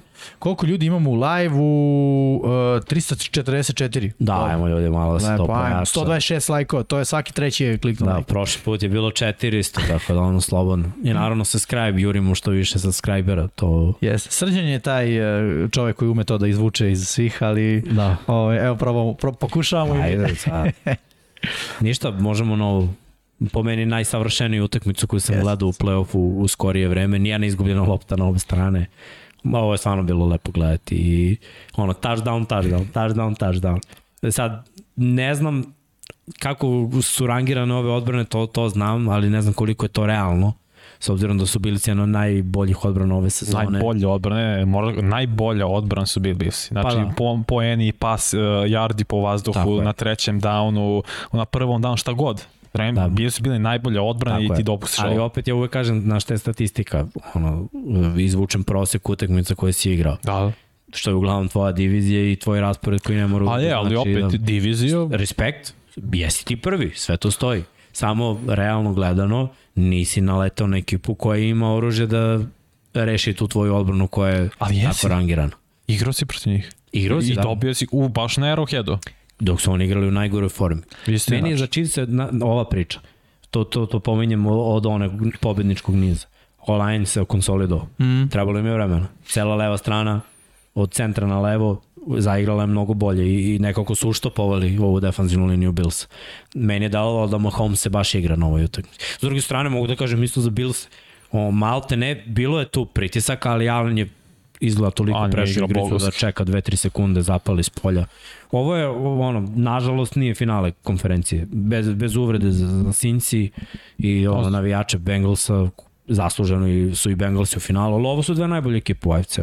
I Da, da. pokazali su, nam da, iskreno, žao mi je što su ovako pravilo u produžetku, jer ono, ja bih gledao ovu utak, znaš, nije mi smetalo, mislim da je bilo oko 4 ujutru. Kad Da sam, bi hteo da bude kao na koleđ. mogu ti kažem da bi ja sedu u kabini do 6 da, da, da, da gledam problema. touchdownove. Znaš zašto ja nemam s- nemam problem sa ovim pravilom. Brate, znači i tvoja odbrana mora nešto da zaustavi. A, Znači, na, ne, ne, razumem sve, ali imao si, nije, ne mogu kažem da Bilsi nisu imali priliku, imali su. Na drugoj Dobro, strani. Jeste, a zamisli su na podbacivanju dobili Bilsi. I dali Pobedili bi. Jer To- bi, to se bi rekao, ej, odbrana Chiefsa ima svoje Da, Imala je. Jeste, ali znaš, svodi se na to da ko dobije novčić. Jeste. Ja, Jeste, uvek ćemo da. i pričati priču, imao si svoju šansu. To igrati Ali desetine. kad je New England tako dobio, Andy Reid je predložio da se promeni pravilo. Nikoga nije podržao. Sad će bar McDermott da ga podrži. pa mislim, A ko je mešno je, bude da, da. mešno ali, znaš, Jeste. jeste, jeste. I Andy Reid je čak i izjavio da misli da, da bi barem trebalo da se vidi na terenu i još jednom napad i odbrana obe ekipe. Da. Što negde znači da bi trebalo svako da ima barem po ono... Posle, po drive. odgovori, daj touchdown. da. Jesu dali touchdown? Od- Daj touchdown. Daj, da, da, tako je. Odgovori touchdown. pazi, ovo što si rekao za Mahomesa, Mahomes je bio strpljiv. Uzimao je ono što su mu dali. Nije bunario kao na početku sezone, nešto radio nemoguće što i ume. Ne, ok, dajte mi ovo. Može, pa. Može ovaj pas, ba. Sve, Opet istoč. Man Da. coverage, opet rešava istočni Tako je. touchdown. Kao, kao, i- kao i u posljednja dva meseca. Ne znam, meni ova ekipa Chiefsa ovo opet ona, znaš, e, stara ekipa. Odbrana mi igra dovoljno dobro. Imali su oni, oni su imali tri basket coverage Gabriel Davis, četiri touchdowna, Josh Allen Kakav finta. Gabriel Davis Davisa. par puta hvata touchdown, niko oko Niko njega. oko njega. Bože, je. kako Kao da je finta. 12 igrač Da. utrčao ono, sa O, Mike. Hughes nije znao da se nalazi, ono je bilo neverovatno. Ne, ne, ba, baš su bili pogubljeni defanzivno. Ali defanzivna linija, da kažem i front seven, radili su svoj posao. Jako je teško čuvati Alena kad trči, to ljudi moraju da razumeju. Da. 6'5", 110 Retko- kila. Retko ko, mislim ti isti Chiefs ili bilo ko imali bi problemi sa Lamarom koji je ono 6'2 i 95 kila. Sad zamisli još malo više i još malo teži čovek ko- koji te kako je počeo da, da razume gde će biti postavljen blok, gde treba da spusti rame, kako šta. Savršeno odigrana utakmica od strane oba napada. I ja bih kritikovao malo ono, clock management obe ekipe. Jer prvo kad je Terry Hill dao touchdown, ok, ja razumem zašto je Terry Hill dao. Sa, samo sekund tu. Da li on je za, za žutu zastavi? Jeste, ali, gledaj. Ne, ne, ne. Da I li je, bi pljusnuo Ne, ne, 15, okej. no, opet field goal iza 15. nego da li u pravilniku piše da je touchdown treba bude poništen? Jer Ne, to ne, dosta ne. ljudi spominje zato što Ne, je ne. to desilo na koliko, 10-15 Ne, ne, yardi, mnogo pre touchdowna. Nema to veze, pers, personal foul ne, ne A, poništava. ok, da ljudi shvate, jer dosta sam ljudi čuo da to pričaju kao treba Da. touchdown bude poništen zbog toga, zbog što Mogli je... bi, mogli bi da biraju da li će da vrate field field goal 15 yardi ili da vrate kick off 15 mm -hmm. yardi. Iskreno ti kažem i da vrate kick off 15 yardi, on opet ide u end zonu ili ga ti hvataš ono unutar 5 yardi, mislim mogu si da dođeš do 30, ovako si bio na 25. Da, da. Znaš, Ok. ono, a, danas nema već blok, to je u stvari najveća mana kick-off returna, nema double team blok. To je ne, zato su nekad kick-off Vraćali za touchdown. vraćani za touchdown. Zato što si imao trojicu, četvoricu igrača koji se skupe, naprave wedge, razumeš, i, i samo odatle biraš levo ili desno. Sad nemaš sve jedan na jedan.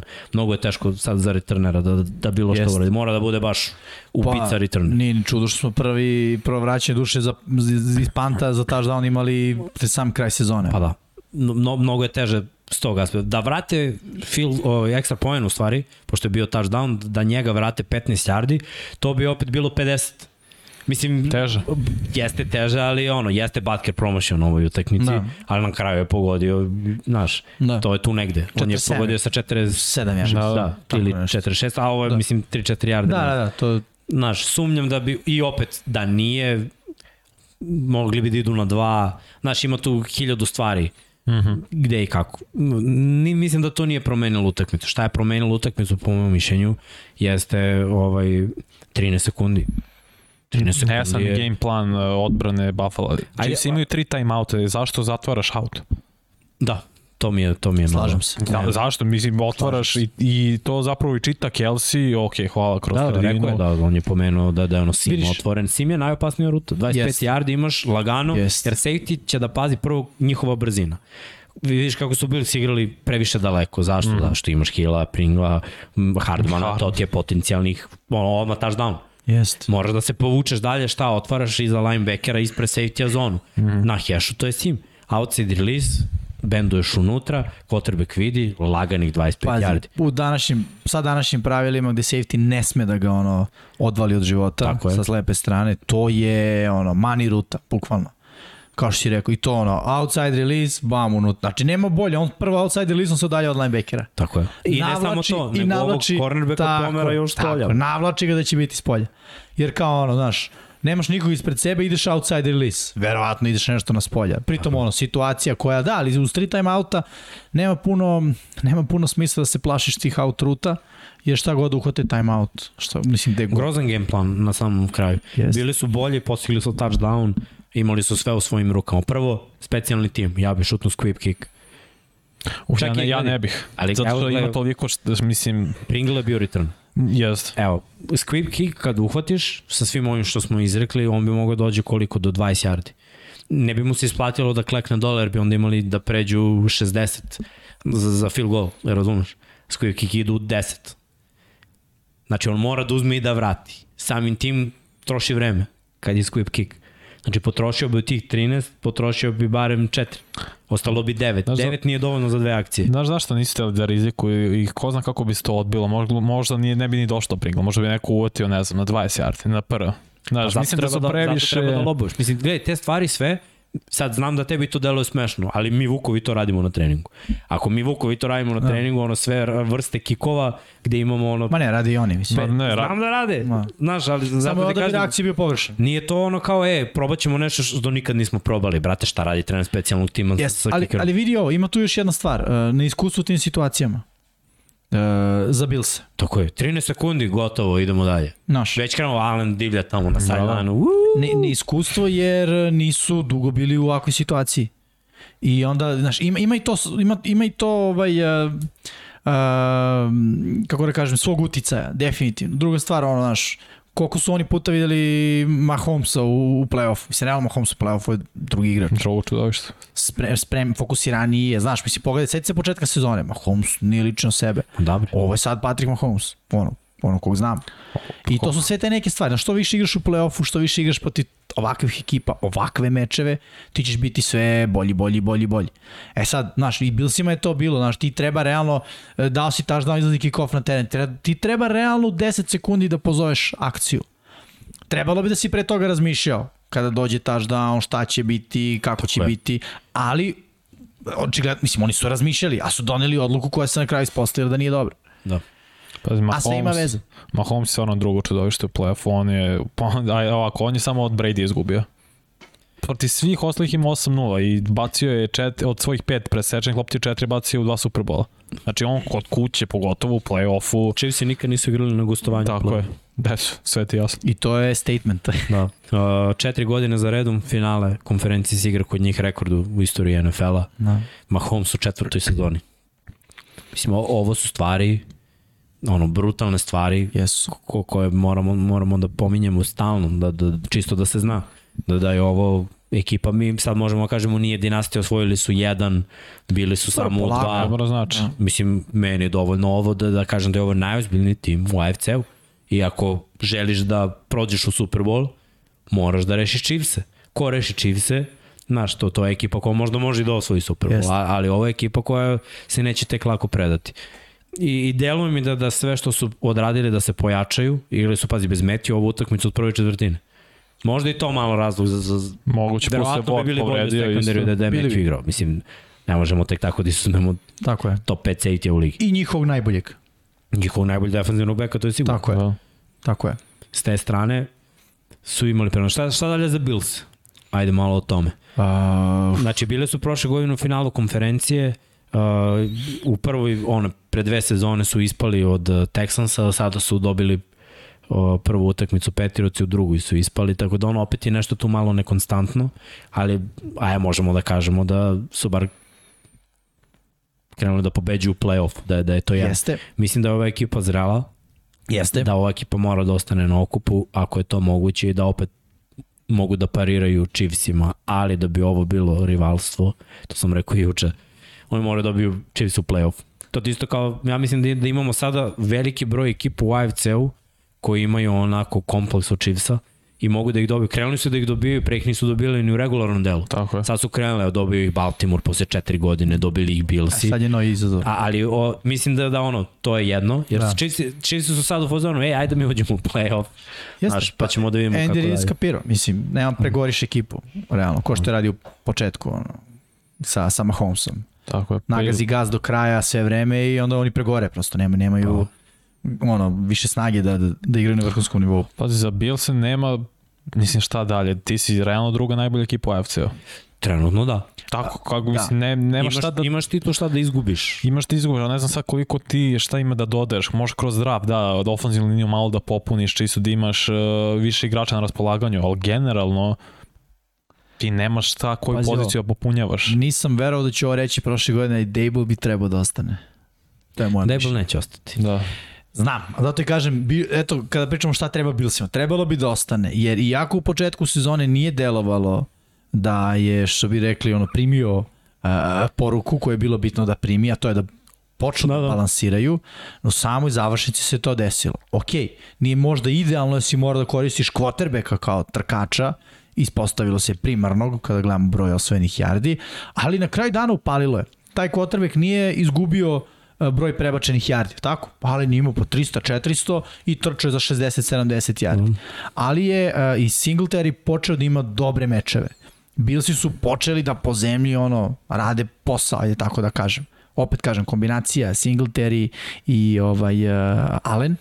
Uh, e sad, šta je stvar? Ok, Uh, mislim da ono McDermott ako ode, ako ode Dable ove, ove, u u ovom među periodu, da barem zna u kom smeru mora da gleda što se tiče ofenzivnog koordinatora Pa i da. barem mora da mu kaže e, vidi ono što smo radili prošle godine, sad mora da se nastavi. Jeste. Znaš šta im ide na ruku? Ide im na ruku što su neki igrači sazreli i, i postali ozbiljni playmakeri. Dawson Knox je postao top 10 tight end ove godine i meni je lagano. Odličan bloker, jako dobar hvatač, nakon Kompletan tight play actiona, uh, ima veliki broj uhvaćenih taža, mislim da je devet ima u regularnom delu i uhvatio je u play-offu još, tako da je ono to, to je igrač koji je izrastao. Gabriel Davis prošle godine, onako ruki čit senzacija, davo je taždanove, sad, brate, broj 2 lagano.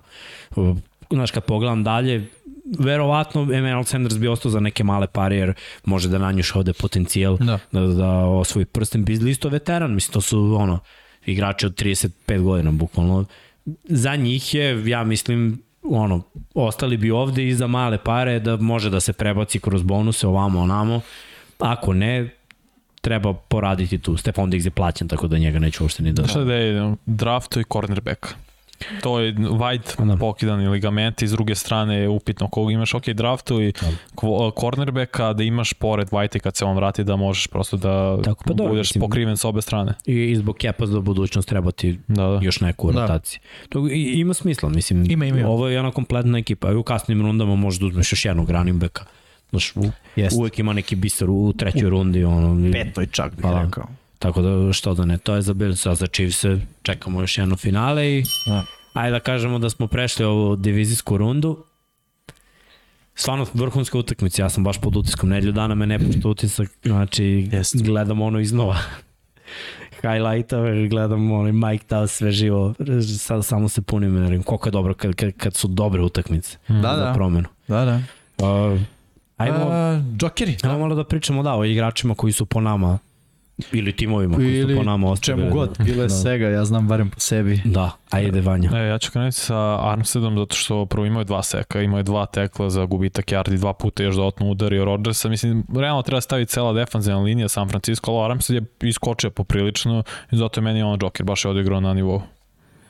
No, Jimmy. Ja, meni je specijalni tim San Francisco 49ers. Mislim, 7 pojena Ja. koji su napravili razliku, koji su zapravo... Pa ne, ja bih im pripisao svih deset, izblokirani field Da. goal, njih nije ovaj promašio, Tako su izblokirali. Tako to je. isto specijalni tim, Jest. tako da ja tu kažem sve vreme 10 poena i razumem te zašto. Da. Jer oni su bukvalno donali pobedu. Tako je. E, 49ers i zašto Joker? Ni, nisam to mogao da vidim, mogao sam da vidim da će specijalni tim Packersa da napravi haos. Ali, s druge strane, koliko smo puta videli da kada specijalni tim Packersa napravi haos, da ipak protivnički specijalni tim to ne kazni, nego, mislim, vrati loptu, pa onda napad uradi ili ne uradi. Ovo je bilo, što ti kažeš, on direktan uticaj na 10 poena. Da, I potezno. utakmici gde daš 13, a primiš 10, to je bila razlika među pobede ili poraza. Pa da, bukvalno. Uh, ajmo dalje, čekaj da vidimo šta je Srki, da pa evo nam McPherson, dobro, Mislim. stvarno je bio, bio je Joker, donao je pobedu i Jest. to je ono. I najavio je pobedu. Da, Da, dobro, meni je to, ono, to je baš šmekerski potes. Highlight. Šta sam ja izbio? Ja sam imao sve po 2-3. Jamar Chase, pa dobro. Jer moram da se objašnjam. Jamar ponovo preko 100 yardi, dve utakmice za redom, najbolje ruke ove godine. Da. Bukvalno pokazuje da, da je jedan od najboljih hvatača kao ruki već mm. u NFL-u. I na šta je najjače svega?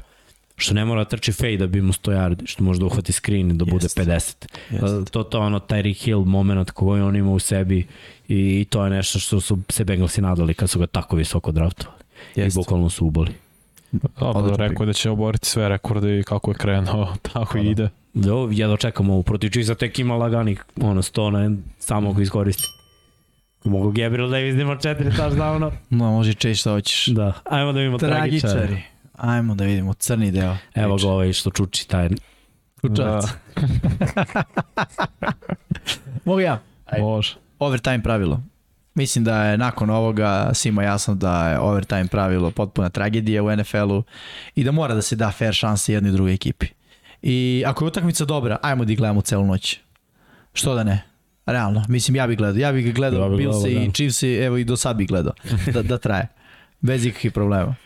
I zato mislim da to overtime pravilo treba da se promeni. Jer ono, bez veze da na tako visokom nivou sporta te na kraj dana ono lomi novčić. Da, to, to, ti je kao onaj 12. tiebreaker. No, zamisli da je to prvi tiebreaker. Novčić. Koliko imamo izjednačen broj pobjeda? Ajmo bacimo novčić. Nije fair. To što ti dao 300 poena, ja dao 25, to kao nema veze. Ili što si ti pobeđivao unutar svoje divizije, ja nisam. Ništa to nema veze. Ili konferencije. Tako i ovo. Došli smo do toga kao novčić, šta ćeš glava, pismo, glava, bam čestitam još prvi posed. I ako si dobar napad, a videli smo, na tom meču smo videli da će biti jedan za drugim, jedan za drugim, ko pogotovo uzme, ko poluvremenu. uzme taj rešava. To, To taj rešava. Tako, I to je bilo jasnije nego onda Chiefs i Patriots. Tako da je za mene tragičar ove nedelje onako, iako nije samo vezano za jednu nedelju, ali ono pravilo u produžetku u NFL-u i, i ja bih volao da se promeni. Isto, isto podržavam to. Ne sviđa mi se pravo. Ajmo da idemo dalje, Vanja. Tenih, Pa pa da. da, tri Tu se slažem. Pa da. Ne, nemam šta da dodeš, bukvalno čovjek, meni glavni razlog zašto je Tennessee ne igra sada kod kuće protiv Chiefs. Istina, Bukvalno. istina živa. Šta je Srki biro? Daj da vidimo. Na Green Bay. Green Bay. Pa dobro, može da, može da se razume zašto su, su, su mu Packers. Pa zbog ono što ti rekao, možda je, možda je poslednja. I ono što su pričali, A. last dance, ovo ono, znaš. Da. Ako jeste, onda je Podigli su lestvicu, mislim. I na kraju nisu ispunili, ispunili to. Da, ko je moj, moj odbrana? odbrana. Da.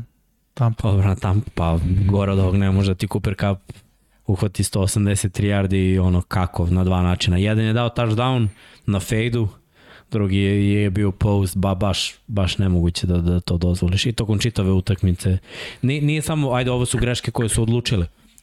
Uh, se sećate, znači, kad je Lamonta David bacio kacigu 15 yardi, uh, u jednom istom drive-u su imali pass interference, 15 yardi su je ono uperio da, da. prstom, dobio taunting penal, oni su poklonili 45 yardi u tom jednom napadu kad, kad su Ramsi dali tažno. Gledam i ne verujem. Ali mi to gledamo cele godine. Da, da, gledamo. Tampu koja je kaznama poklanja yardi. Zato su mi tragičari. Zato mi to nije to. Mm. I, I zato su možda zasluženo izgubili, zato što su baš bili bagra na, na ovoj utakmici. Jeste. Tako da idemo da. Ajmo sad na svetliju stranu. Da vidimo heroje. Don Pablo, pucaj grafiku, davno je bilo kad smo rekli. Eto, kad smo već kod Cooper Cupa, mislim, da, dva poteza odlučio čovjek već bukvalno. Iskupio se, imao je fumble, ok, nema frke. Poslednji napad, bam, jedno hvatanje, posle fade, rešava čovjek meč, kicker pogađa, Matt Gay, to je to. No, pa te, nije mu težak zadatak, do 10 yardi je donao loptu. Sve što ti kažeš, 183 yardi ima čovjek. Da, da, to je mnogo. 11 hvatanja, touchdown. Ruki. Da. Da, da. I Glej bio je dobar i u prvoj rundi. Yes. Znači, i kad pogledaš ovu sezonu i sve, mislim, Da, da, da. ovo je brutalna sezona. Uh, aj Srki, divisional round. Srki je bio u fazonu ljudi četiri kakve tekme. I slažem se. Da, da. Najbolje, ja mislim, evo zašto cele godine pričam da je ovo najbolja sezona i mnogi kažu nije najbolja nego najizvesnija. Meni je najbolja. I ta WC runda je bila katastrofa, ali o, ovo dalje je vrh. A bila je. Da, bila je WC, realno, kad pogledaš. Da, a, ali ovo sada je vrh, ovo je baš ono što smo yes. čekali cele godine. Toliko je bilo preokreta, toliko je bilo utakmica rešenih, koliko ja znam da sam radio mnoge na ono zadnji posle konverzije za dva poena, touchdownovi su prštali ove godine. Yes. Da, mnogo utakmica se rešilo u posljednjim sekundama ove godine. I eto, dočekali smo divisional da su sve četiri rešene. Kruna. Ono, u posljednjem napadu, brutalno. Yes. Baš brutalno. Bravo, Srki. Uh, hoćeš ja? Aj. Cincinnati Bengals. Mislim, ono, realno heroji, ljudi. Yes. Bengalsi su u finalu AFC-a. Ono, ko je to mogo da, da predvidi, ajde kažem prvo na početku sezone. Pa ajde kažem na polovini sezone. I kad su bili prvi u AFC-u, svi smo rekli, dobro, ok, ali realno, mladi, neisku, vidjet ćemo, ono, čekamo da Chase počne da ne igra više tako dobro, nije realno da igra cele godine dobro. Bam, i to su prošli. Playoff, ajde da vidimo da će iko ikad poslati SMS da su Bengalsi dobili. Bam, i to se dešava dobijaš Titanse kao ono underdog u tom meču i sad si tu na velikoj, na najvećoj sceni u smislu što se tiče AFC-a, a i za njih u poslednje, u poslednje vreme imaš šansu da budeš predstavnik AFC-a u Superbolu. Da, nisu bili u Superbolu od 80-ih. Hmm. To je ono, baš bolesno. Kakva promena i kad Jeste. pogodiš dva pika prve runde, ono, u tri godine, to je velika stvar. A moj Gabriel Davis, iskreno, ja mislim da se nikad nije desilo da četiri da na strane receiver. Nikad. To, to, to mi je neverovatno.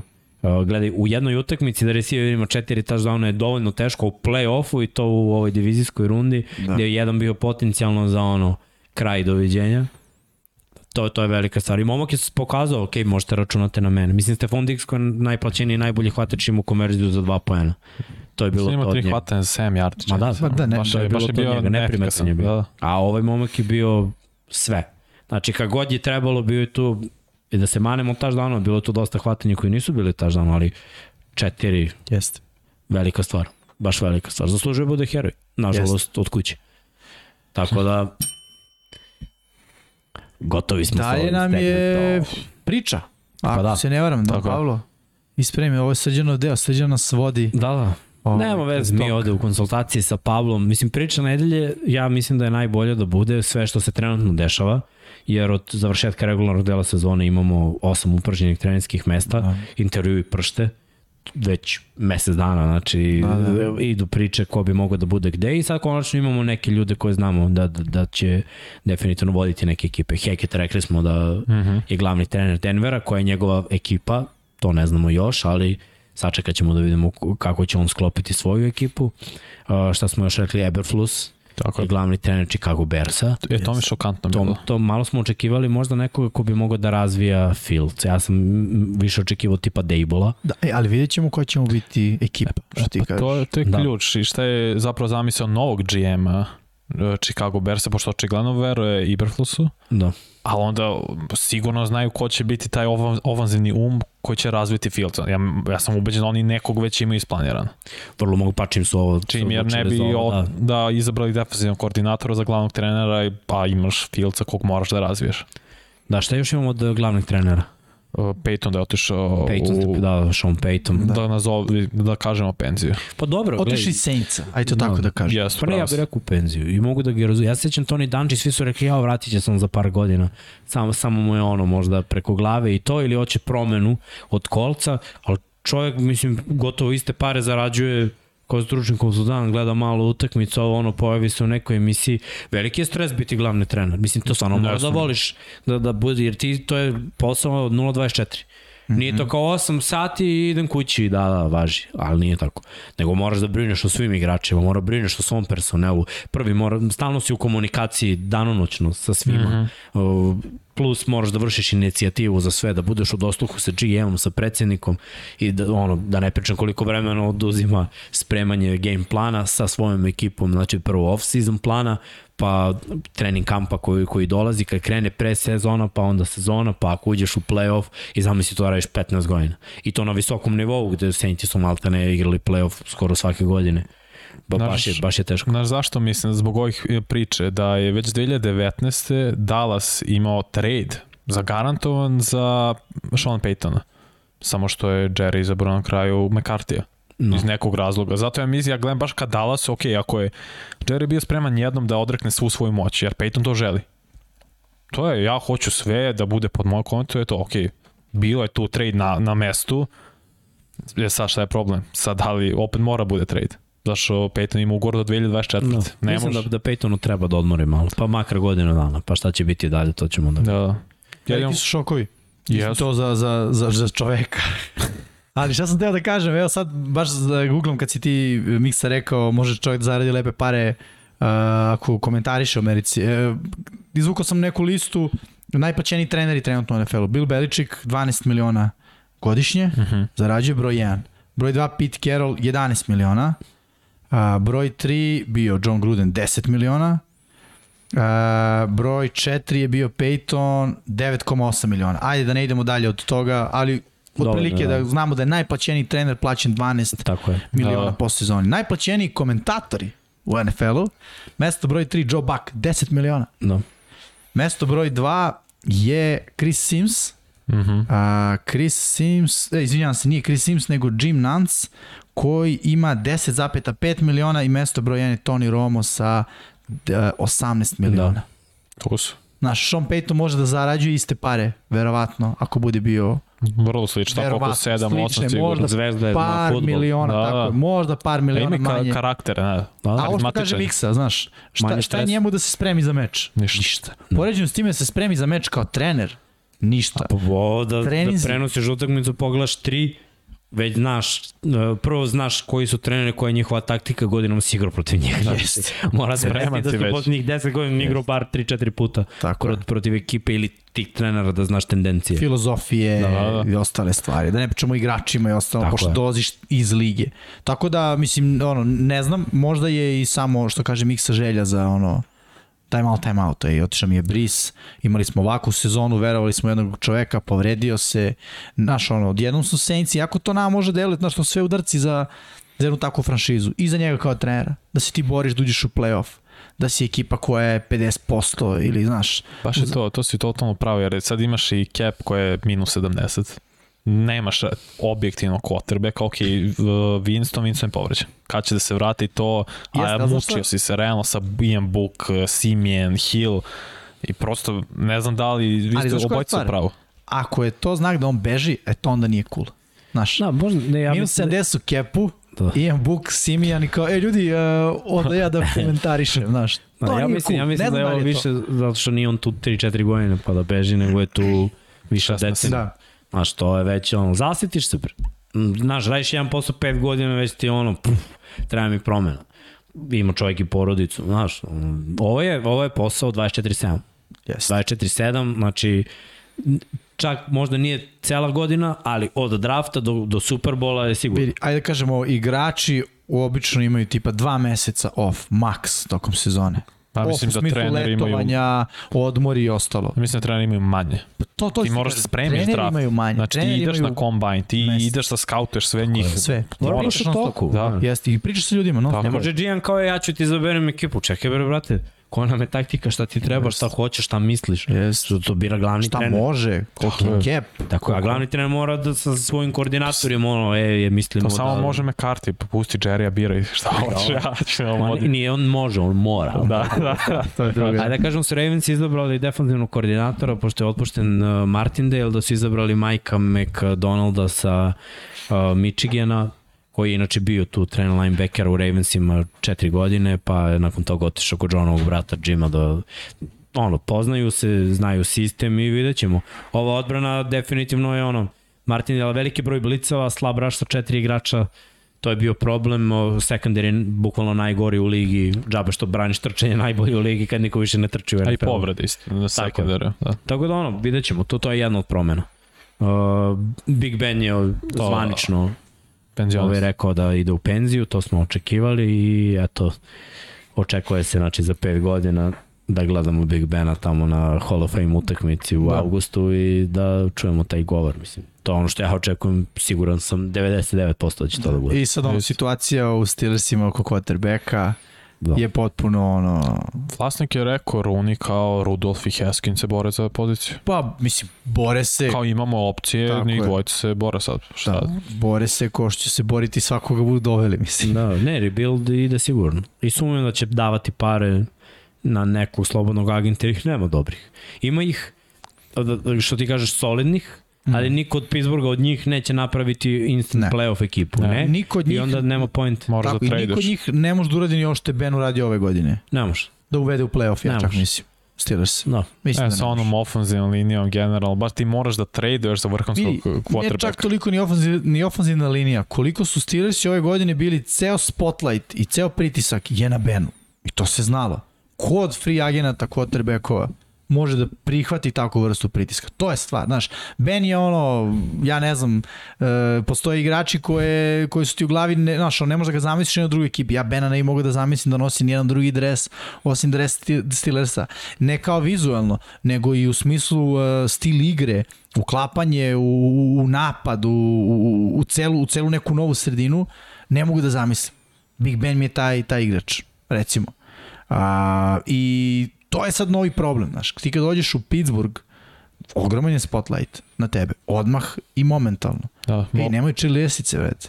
Ti si taj, da, gledamo samo tebe. Pa, ne gledamo ništa. moram kažemo, Ej, si šalim se ovde, ali, znaš, Nikad nije imao izgub, svaka sezona je bila pobednička, više pobjeda nego poraza, ima na, pet je po broju pobjeda za quarterbacka, pet je po yardima, osmi po broju touchdownova, šest puta pro bowler, mislim, stvarno je Ben imao Hall of Fame first ballot, Hall of Fame karijeru, to ne može nikom sporiti, dva puta osvajaš Superbola.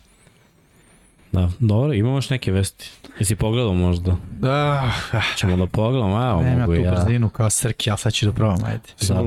Ne znam ono šta se očekuje od ostalih mesta za glavnog trenera koji nisu... odradio drugi intervju Tako sa. Giantsima, Leftwich drugi sa... Dele mi da je to lok, da će Dable da ode u Giantse, da proba da razvije uh, Daniela, da. Da. Daniela Jonesa, Mada i Fraser je takođe odradio dva.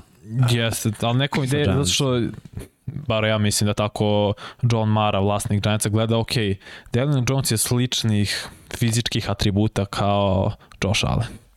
Sličnih, uh. ne kažem istine, sli, sličnih visina, težina, ima neke Pa, sposobnosti da trči. Šta ćemo sa Danom Quinnom? E, ostaje, sad čitam. Ostaje Dan Ja Quinn. Ne, ne, znam da ostaje sata. u, u Dallasu, ali da li je to ono kao ajme karti još godinu dana, pa je, ona to smena. Wade Phillips. Ne, ja nemam pojma. Ne, što se mene tiče, ja mogu da ćutim dok pričamo o Dallasu, pošto ja ništa ne razumem što se Dallasa tiče. Ali bukvalno, samo, samo želim kad Fila igra protiv da dobije. Znaš šta ja mislim? Ništa da drugo, će ne njih, svakoga. ali McCarthy ne da dobije Dallas. otkaz u skorije vreme i da će samo Quinn da uđe i to je to. Pa jo, to. Jerry Jones je rekao Mike McCarthy status kao... Uh, uh, Uncertain. ne, ne, ne, never in question. Stvarno? Evo vest. Mike McCarthy status da. as Cowboys coach never in question. Da, da. Ne, kao To sam ja Ja ništa ne verujem Jerry, bez Jerry. Četiri sata informacija. To sam- ne, ne, Ma ja sam juče to pročitao. E, a evo šta sam još isto pročitao, nije vezano za Dallas. Luke Gessler, jesi to vidio? Ne, Za ne, ofenzivnog koordinatora Bersa. ne, kaže. Kažu da Luke Getzi ima ponudu da bude ofenzivni koordinator. On je član stručnog štaba Packersa. Dobro, to je potez koji je ovaj Hackett, mislim ide, ide, ide uz njega, tako. Ali Hackett je u... Ne, ne, A, ide u e, Bersa je... Bears kradu iz da. Green Bay. Da, ne znam, to mi je malo iznenađenje, nisam baš očekivao. Texans i drugi intervju rade sa Joshom To McCownom. je najveće, najveće. Dolphins nebuloza traže. Dable-a isto na drugom. Da. Da, vidio Da, sam da je Flores bio u Saintsima na razgovoru. Da, da, pa Fascinantno mi da Flores, m, šokantno mi je bilo da ne dobije posao. Ma Pa Flores ne, dobija posao sigurno. sigurno. Samo je Znači, pitanje, mora, ne znaš, znam. sigurno da on vaga sad ponude, znaš. Da. I Dobro, neki znam- timovi moraju da odrade intervju s manjinama. Svi moraju. Allen je, da, da, pa to. Uh, Allen je O njihova opcija broj 1 za, ja mislim, za Saints jer je njihov čovek i tu je godinama. A, ali mislim morali su da odrade s manjinom zato je došao Dable Dable ja mislim oh, Dable bre Flores. Flores, ali Flores. mislim da Flores može da bude trener u četiri tima samo je pitanje da li on želi da bude znači može da bude opcija za Giantse O, mislim da je to relevantno mislim da, Texansi. da može za Texans Ja bi izbegao tako je. Texans na njegovom mestu Ne, odmah. gledaj, nije pitanje, on, znaš, ti, oni mu nude. On da li hoće ili neće, naravno da bi izbjegao čovjek, nije ludi idu tamo. Razumeš, ako može Što tipa da, ne? bira Saints. Ljudi, koliko je bio lud kad je došao u Miami, mislim, realno. Da, nakon što se gig. desilo... Znam, ali to je isto. lud gig. Da, da, ali prvi. No, prvi ne viraš, Znaš, da. Mislim, prvi, ne prvi ono koje će budeš glavni trener, evo ti Moraš da bere. Može. Da. Znaš, ali ovo je sad već, čak i bre, ja sam imao dve pobedničke sezone s Miami. A čekaj, a priča sa McDanielsom, šta mislite? Da li McDaniels Uh, ostaje to, ili? to, e, sad, pazi ovako, prvo šta ostaje New Englandu, ako on ode, znači moraju da, da razmisle o tome ko može da razvija Meka Jonesa dalje. Da. Druga stvar, on ako ode negdje, ja ne mogu da ga vidim. Mislim da on je željen uh, zbog toga što može da od mladog quarterbacka napravi dobru quarterbacka. I onda gledamo ove ekipe koje imaju mlade quarterbackovi i ono šta mi pada na pamet, Znaš, ono, Trevor Lawrence. Pa, znaš, sumnjam da, da od Daniela Jonesa može da se napravi dobar quarterback, ali o, moglo bi vrlo lako da, da, da se desi da, da to budu Jacksonville, Jaguarsi, sad da li kao glavni trener, da li kao ofenzivni koordinator Texansi, koji ono, očigledno idu u smeru mladog quarterbacka. Uh, takođe, s, mislim što ne i Saints. Gde lako može da se desi da bude quarterback kome treba ono navigacija. Ali zašto vi napušta nešto što ti je dobro? Zbog para.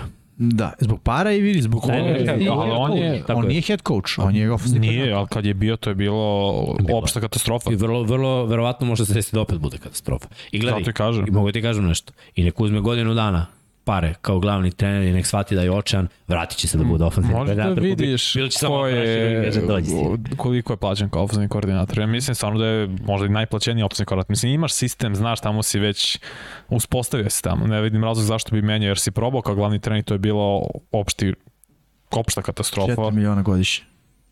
Ma da, dobio bi više kao head coach. Ne, pa dobro, ali da, malo I je da, I da je šest, i da šest dobio malo ili 2 miliona godišnje, mislim. Da.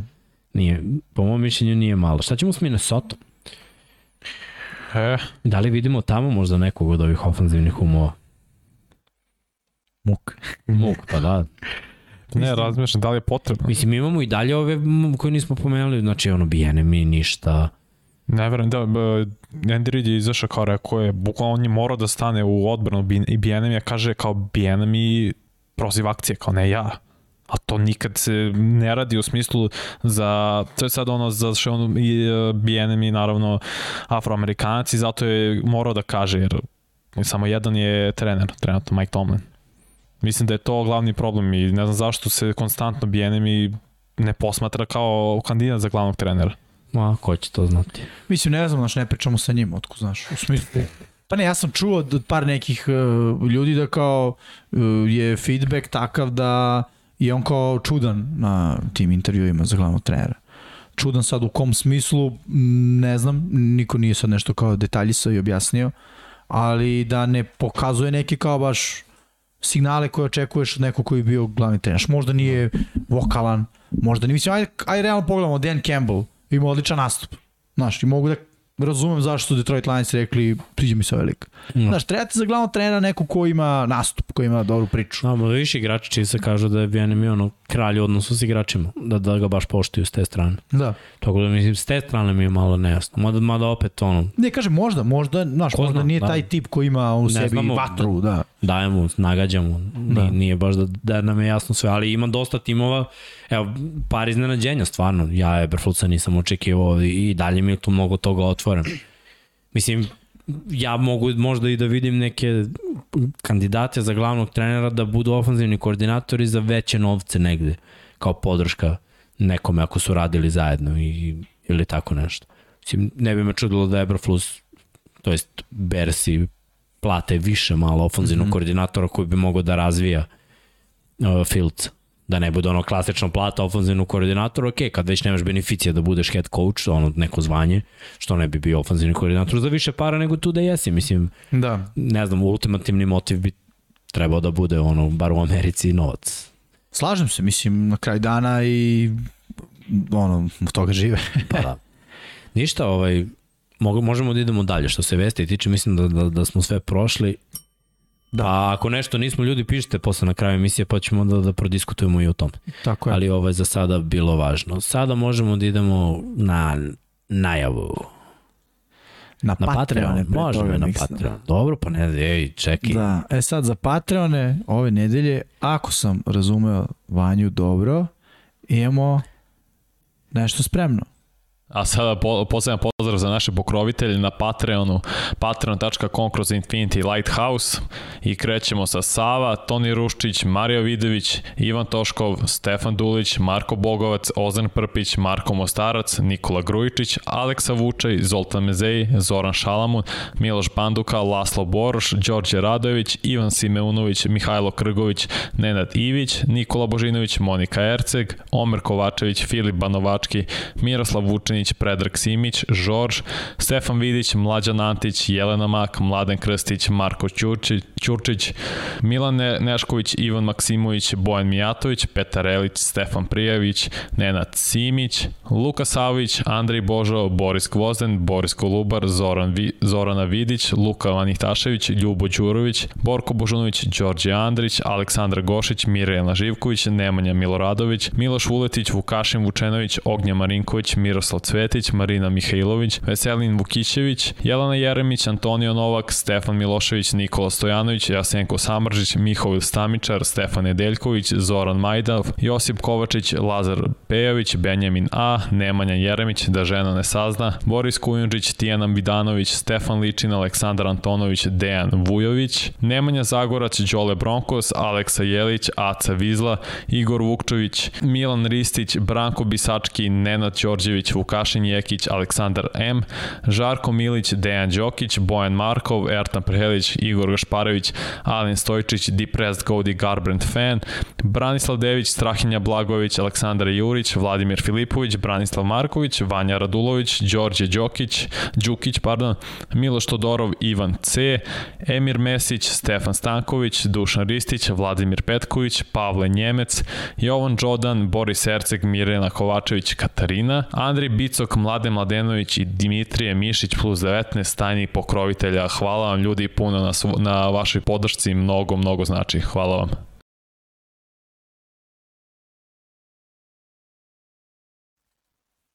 Aha, Aha. tu smo. Imali smo Sada- male tehničke smetnje. Vanja, ćeš ti da kažeš ljudima. Ne, ovo je ljudi snimljeno, mislim, unapred da se razumemo, prosto je tako lakše. Mislim, Ja, ako već pričamo o tome, meni je užasno, recimo, anksiozno da čitam u live-u. I meni je bilo lakše, ok, daj da snimim ovo, da napravimo toga snimak, da prosto... Ajde, im- budemo realni, srđan je to. I to, pa da, da, je njegov je, Srki to, Srki to radi najbolje ubedljivo i rekao da je, ok, ovo je neko rešenje. Da, mada da je vidiš na cool. te stolici može da se čita sa onog TV-a tamo. Dobro, O, ovdje tako imaš je. blokadu. Bukvalno, Istina. Istina, da. Mada i ovde je onako solidna blokadica. Dobro. TV. Za tebe, za Srkija nije Da, istina. sa rengenskim vidom, Da. on to rešava bez problema. Bez problema. Zna na pamet. Koliko puta pročitao I to, u i svakom to. podcastu, zna, zna na pamet, siguran sam, većinu ljudi. E, da kažemo ljudi, stvarno hvala na podršci i ovaj, cenimo to e, što podržavate, lajkujte, subscribeujte se, joinujte. Ovaj, imamo sve više članova i mogu da vam kažem za sada spremamo jedno iznenađenje, ali sad stvarno, ne, ne, ne, nije da ono koje spremamo mi sve vreme, ali sad smo loading na nekih 70%. Jeste. Ja Znam na mislim da smo misliš. došli da. do, ono, do 70%. Možda i više. Možda, možda i da. više, da. Možda i više se. Tako da očekujte možda i do Superbola Da. da vas ekipa 99 yardi obraduje. E sad naravno prvo će saznati uh, naši patreonci, naši Svetionič- svetioničari. A šta će saznati svi drugi? Šta mi misli? A? Tamo si ga prigušio. nešto si ga. Ja, E, bravo, Dva bravo, pump bravo. fake-a, da je Tannehill ovako dva puta, nego interception. Možda bi gledali tenis i sad. Hilton bi samo pro, pro, ovako, Da. proleteo. Ajmo, ajmo da najavimo finala konferencija. Bengalsi idu na Arrowhead protiv Chiefsa. E, pazi, pre nego što kreneš, Srki je ovo spominja, da li je mogli pronašao vatru? Ne, ozbiljno, i sad to tako zapravo i delo je. Chiefs idu na, to je zapravo Sinci dolazi na Arrowhead, Tigrovi protiv Moglija, mislim tako je bilo i u priči, tako vidjet ćemo sad ko će pobedi. Um, kad smo radili power ranking na početku, znaš, kad si u pravu onda voliš da malo likuješ. Ja sam rekao, ne vidim Tampu da će doći do Superbola, vidim Remse. Remse su bliži od Tampe. To je svetlo su Šta godine. si rekao za Chiefs beše? Da će Super Bowl biti Chiefs i- Ramsi. To je bilo moj, znači moj prvi power ranking Aha, je bio aha. Ramsi broj 1, Chiefs broj 2. Što znači to je, to je Super Bowl. Nakon A. toga misliš šta si rekao za Chiefs? Nakon prvi, toga sam prvi power Kleo. ranking nam je bio, ja mislim Chiefs. svima da su Chiefs najbolji tim u AFC-u, pre početka sezone. Jeste. Meni su bili Ramsi. Ne, u AFC-u. U AFC-u. A, u AFC-u, da, da. Da, da, svima, svima, Svima, da. Svima. Pa kad je krenula sezona, bilo je ono, tumbe bumbe. Tako je. I većini je bio... Tamo. U NFC-u meni su bili Ramsi. Uh, neću puno da likujem. Mislim, likujem. A šta likujem? Nisu čak ni došli Superbola. Ovaj, ali... Uh, uh, ovaj meč što se tiče Chiefsa i Bengalsa, mene su više kupili Bengals. Ja bih sad u ovom trenutku više volio da gledam Bengalse uh, u Superbolu nego Chiefs. Ništa protiv Chiefsa, više je ono kao Bengalsi i sve što su radili ove sezone. Nagledali smo se Chiefsa, misliš u Superbowlu i u playoffu, pa dosta je bilo. Pa da, a i dobro je kada neku dobru ekipu, kad je neko skine skalp, e onda ne znaš šta možda očekuješ od te, dobre, od te Da. druge ekipe. Znaš, evo, Bengalsi su dobili Titanse, Bengalsi su tokom regularnog dela sezone isto, mislim, pobedili. Da, dobili su Chiefs, ali su, mislim, pobeđivali neke ekipe koje ono, nismo očekivali da će pobediti. I s druge strane, gubili neke mečeve ono, na, jako tesno. Uh, I sad, znaš, ako pobede Chiefs, ja lagano mogu da verujem da oni osvajaju Super Bowl. Mogu Nije da, pro- da verujem. Da. Nije nemoguće, ne znam. Pogledamo ovako malo opet, krenemo od linije skrimidža, mislim da je ovo baš izjednačen na, na liniji skrimidža matchup. Da defanzivna linija Bengalsa nije toliko dominantna, ali je jako dobra, isto tako i defanzivna linija Chiefsa nije jako dominantna, ali je dobra ofanzivna linija i na jednoj i na drugoj strani kada pogledam dajem blagu prednost Chiefsima. Zbog toga što su se konačno uigrali imaju individualce bolje od Bengalsa. Znaš, Orlando Brown je ipak bio dvostruki pro bowler, Tuni igra jako dobro, ovaj Creed mali najbolji ocenjen centar, Creed centar, Humphrey. tako je, Humphrey mi je, jako je ruki, jako možda nema iskustva. Znaš, ne, ne moraš da brineš mnogo ovome što se dešava levo i desno od tebe, tvoje je da izvedeš loptu i ono, da se uključiš u neki double team, radi jako dobar posao. I ono, kad uzmem u obzir sve što imaju Chiefs i tu, bolji su mi. Poredim tight endove, mislim da nam je jasno zašto je Kelsey ono i dalje najbolji tight end u ligi. Ali Uzoma igra jako dobro, znači nije, nije to previše udaljeno. Da, na granici top 10. Tako je. Ja bih ga stavio u top 10. Mislim da je zaslužio ove godine. Ali opet sve dolazi to kao zasluga quarterbackova koji su na obe strane jako dobri. Sad št- Burrow dve utakmice u play-offu. Prva je bila odigrana bolje nego druga. Da, Da, Mislim, moramo jeste. i to da kažemo. Imao je on 9 seka u drugoj. Tako je, to je malo do ofenzivne linije, mada opet kad gledaš neka dodavanja, on je kompletirao neka savršeno, bilo je tu nekih momenta koje nisu bili. Znaš, ono, e, doći će možda u tri, prošle godine kada je Josh Allen igrao u finalu konferencije, bili su dali 20 pojene, nije bilo dovoljno. Ja mislim da su dali 20, da su primili 40. Josh Allen nije svako dodavanje dodao na vrhunskom nivou. U ovoj utakmici jeste, ali ovo je već godinu dana još Kasnije, više u da. playoff može da se desi to, ne mora da znači, mislim da, da je Buro ono ispred svog vremena. Pogledam running backove, dajem prednost Bengalsima. Mislim da je Mixon bolji od, od bilo koga ko stane u, u backfield Chiefsa. Mada McKinnon igra na ozbiljnom nivou. Igra, Ove dve ali- ali- utakmice, da, baš ali- u play-offu igra ozbiljno dobro. na ovoj utakmici uhvatio screen, najbolje trčanje mu je bilo screen. Jeste. Znaš, što je opet ono pas, ni, ni, ali ajde da kažemo da McKinnon ima nešto čime može da doprinese. Pogledamo ofanzivne playmakere Chiefsi, ipak Ali tu je. Ne, ne, ne, tu je da, ali baš. evo sad ću da kažem zašto su mi Chiefs i malo više. Bolji mi je taj tent. Tyreek Hill i Jamar Chase mogu da ih izjednačim. Ajde. I jedan, jedan i drugi su ekstremno brzi i mogu da imaju preko 100 yardi da daju touchdown. Idemo na treću opciju. Higgins. Uh, pa da, ajde da kažemo da je Higgins. Pringle hvata touchdown u, posljednjih mesec dana i, i igra ono jako dobro. I onda dođemo do ovih nekih X faktora gde je ono McKinnon je meni hvatač bolji od Mixona. Miko. Znaš, Hardman će imati možda... Ali do, i Boyd zna da eksplodira. Pa zna, ali Znaš. dajem blagu prednost, či to je, kao sam mi rekao, blagu odbrana, dajem prednost Bengals. Mislim da Bengals imaju bolju odbranu. Secondary im je bolji. Secondary, da, znaš ko je tu ključni igrač? Bolton. Rookie linebacker sam izuo, koji Za- za cele da. godine, da, igra, ne, stvarno igra, Igra, na ja. baš visokom nivou. Obožavam njegovu igru. Tako da mislim da on dosta je zapravo tu ključ da drži tu sredinu A, i da će on dosta značiti u igri protiv trčanja, da neće imati Mixon toliko dobar dan baš zbog Boltona. Znaš šta bih rekao Miksa? Kada posmatram izolovano odbranu jednu i drugu, slažem se. Bengals mi deluju kao bolja odbrana. Ali kada posmatram matchup, ono, napad protiv Chief, e, da, da. znaš, tu mi dajem Prednost, da. veću šansu odbrani Chiefsa, Uh, prvo zbog toga što, ok, nisu se prošle nedelje proslavili, mislim, primili su veliki broj poena od Billsa, ali Billsi su, ono, da kažemo, minimum ajde možda je glup termin, ali da nekako napravim neku vrstu a, poređenja. Minimum godinu dana, da kažem, starija ekipa od Bengalsa i zbog iskustva Alena i svih igrača i koliko su dugo uklopljeni, da kažem, kao ekipa. Uh, I zbog toga, ajde, mogu da pripišem odbrani Chiefsa, teže igrati sigurno protiv napada Billsa i ove sezone nego što će biti protiv napada A, znaš, Allen je Bengals. mobi, mobilniji. Allen, mislim, Barrow nema Stoji. tu tendenciju da trči, Allen ima tendenciju da trči, da te. Jeste. Tako, Jeste. prosto tako je. A, I zbog toga kada gledam matchup, mislim da će mnogo teže biti odbrani Bengalsa da, da zaustaju ovako raspoložene Chiefs. Stoji. Ali- Igraju na domaćem terenu. To Jeste. je još jedna Da, da, da. prednost. Jer Ali- videli smo mnogo puta da Billsi ono, kolika je bila buka, da, da su imali problem da, Da. da. pozovu akciju. I opet sve to sa iskustvom već. Znači bili su tu. Jeste. Šta samo htio da kažem, ali prošle godine su Chiefs izgledali jako dobro do Superbola. Pa ih je neko A to je pritisak bio.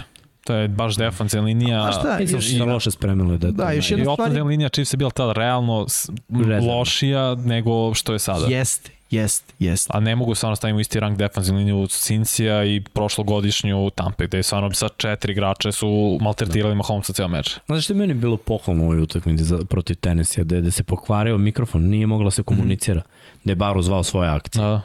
To, to mi je reklo nešto, znaš, da, da ovde na Arrowheadu bi moglo da se desi da, da on opet Zove. to odradi da to bude dobro, ne, da ne pozove glupavu akciju, ono, Da, da, da, da. bude Carson Wentz fazon, nego da, znaš, menja trčanje kada ono može da prođe u pas koji ide u, za interception. Već ne, nešto što je dobro.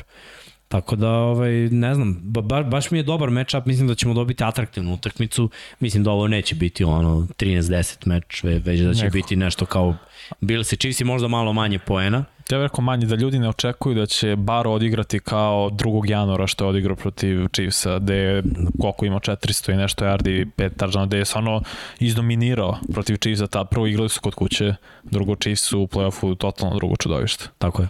Ali ja očekujem dobru utakmicu. Mislim da Chiefs dobiju, to je moje mišljenje. Možda, mislim, Isto. možemo da kažemo i sad, ono, Da, koje možda. su nam da- predikcije, s, apsolutno je Dva meča su u pitanju. Pa da, pa bukvalno. Mislim, ja isto dajem prednost logički Chiefsima, ali ću da nastavim da verujem Da. u, se, u Bengals. Eto. Da, kao, kao prošle godine, sve... Kao prošle godine, da. Kontra i onda Tampi, osvajaju da, da. Bowl. Da, tako je, Da. tako je. Baš Dobro. ima komentara na, na tu temu. Da, baš Da i mislim. mogu da počnem hejtom Phil u sledećoj godini. da Može. dođe do Super Bowl. Da. Počne hejteš mnogi ekipe. Pre svega naše ovde, to je bilo Naravno, dobro. ove, ljubičaste ekipe. Da, da. Možemo dalje, možemo na, na, na sledeću utakmicu. Ovo smo E, već gledali dva puta. Trilogija. Da, tako da ono, treći meč, uh, nekoliko stvari men, ja razmišljam ovde. Znači, prvo, Rams igraju kod kuće, ali da li je zapravo Kalifornija njihova kuća? Mislim, 49 su najpopularniji tim u Kaliforniji, što se američkog futbola tiče. To mi je broj jedan. I koliko god ljudi govorili, ono, nemojte prodajte, prodajte sezonske karte, koliko navijača Rams ima sezonske karte, nema živimo u zabludi. To prvo. A nisu ni samo Rams, ne igraju tu jedino oni. Tako je. Znači, navijači čaže se mogu prodaju. ne, on, Znaš, mislim, nema ih, da se Nema razumemo, ih, da. nema ih, ali... Znaš zašto? Zašto? Sve to navijači 49ersa. Jeli, Pa- navijači Chargersa, to s tobojicom. Da, da, da. Pazi, prva utakmica koju smo radili, uh, Sean i ja, bila, bila je ova, znači, strvenilo se na sofa. Da, da. Ja mislim da je bio odnos 70-30 za San Francisco. Sad možda neće biti tako Da, ja NFL je malo ograničio. Tako, da. ali 60-40 očekujem. Zna, očekujem da će neko dođe u dresu Ramsey da ga skine. Ispred njega je no, dres 49ers. Ne bi me čudilo uopšte da bude taj fazon. Uh, što se tiče same utakmice, iskreno mnogo me zanima koliko su zdravi 49ers, jer je ono bilo na kraju šepanje od strane pet igrača, fizikalne dve utakmice protiv Cowboysa i u ovoj drugoj koju smo analizirali protiv Packersa. Male su pauze, šta ti u stvari pauziraš, ono, Ništa. odmoriš u ponedeljak i već od utorka do subote mora se spremiti. Pa dobro, imali su nedelju, oni su igrali subota na nedelju. Mislim, subota po njima. Ne, znam, ali baš, ne, ne. nedelju ne treniraš, u nedelju idemo Ne, pa prvi naravno, zato kažem, ponedeljak isto odmaraš. tretmani, da, da. I velika većina ovih povređenih igrača je odmarala do četvrtka. Znači, ono, bili su kao posmatrači na, na treningu. To može da bude problem. Ima Ne mora da znači. pozitivna stvar za 49ers je mentalna strana. Ono posjeduješ ti Ramse. Realno, poslednje tri E, godine jeste, posjeduješ Jeste, ih. Mislim. ali e, ipak u ovom sportu moraš i da imaš gasa fizički. Da bi, Slažem znam što hoćeš da kažeš i u pravu si, jeste, e, i nije mala stvar, ali ono što sam ja video od Remsa prošle nedelje, a nisam video tokom cele sezone, je da su i oni počeli da igraju fizički futbol. Ne znam da ćete da se složite sa mnom, ali pokazali su neku čvrstinu koju, kojom nisu baš mogli da se pohvale tokom cele sezone, pre svega u odbrani. Da, u odbrani da. Ali opet, game plan Tampe ih je malo ono Olakšao im posao. dozvolio im je da, da, da igraju tako. Znaš da da je- Siguran da, da, da će toliko fizikaliju pružiti protiv... Evo gledamo ovako, ofanzivna linija, malo da uporedimo, ofanzivna linija Ramsa protiv defanzivne 49ers. Ovo front- front 7 da uzmemo. Ja dajem prednost 49ersima. Ovo prvo linebackeri i Baš defanzivna linija i suviše to pokretljivo da bi Ramsi trčali. Ramsi ne trče, znači Stafford ima secondary 49ersa E, pazi, protiv Ramsa, secondary ima prednost. 20 uh, defensivnih pass interference, što je najviše u NFL-u. Cijelo je godine mnogo. mi pričamo o njima da, da ono, Da, da. nije to to. Da to je najslabiji deo ove odbrane. U Belju. Znači, ako budu stigli do Stafforda, izdominirat će. Oni su već imali ono pick six ove godine protiv njega. Hvatači moraju da budu na visini i hvatači Higby. Higby mi je ono za prvi down tu najbitniji. Iz njegovih ruku je otešao pick six u prvoj utakmici. Da. Vrlo lako može da se desi da, da on Beckham takođe, Cooper Cup, da, da, da Van Jefferson, to, to su četiri hvatača koji, ono, fokus treba da bude na njima. Sumnjam da će bilo ko trčati protiv ovih 49ers. S druge strane, ne znam, ja, ja koliko vidim, ne, vid, ne mogu da, da zamislim Remse da, da zaustave Samuela, Znači, to mi je za njih nerešiva enigma. Kittle je bio jako tih, on mora eksplodira u jednoj utakmici. Da, da. U, obično to radi baš protiv njih. Oni nemaju linebackera koji može da ga čuva, nemaju defanzivnog beka. Jedino Remzija da stave, ali ko će onda Diba? Uh, Dibo je imao preko 100 yardi i imao je dva touchdowna uh -huh. protiv, protiv njih, jer ga Remzi nije čuo. Kada ga Remzi nije čuo? Znači, pustili su ga ono jednom na, na krosu koji ispravio za touchdown, trčao je ceo dan, ubio ih je. Ako stave Remzija tamo, ko čuva Kittle?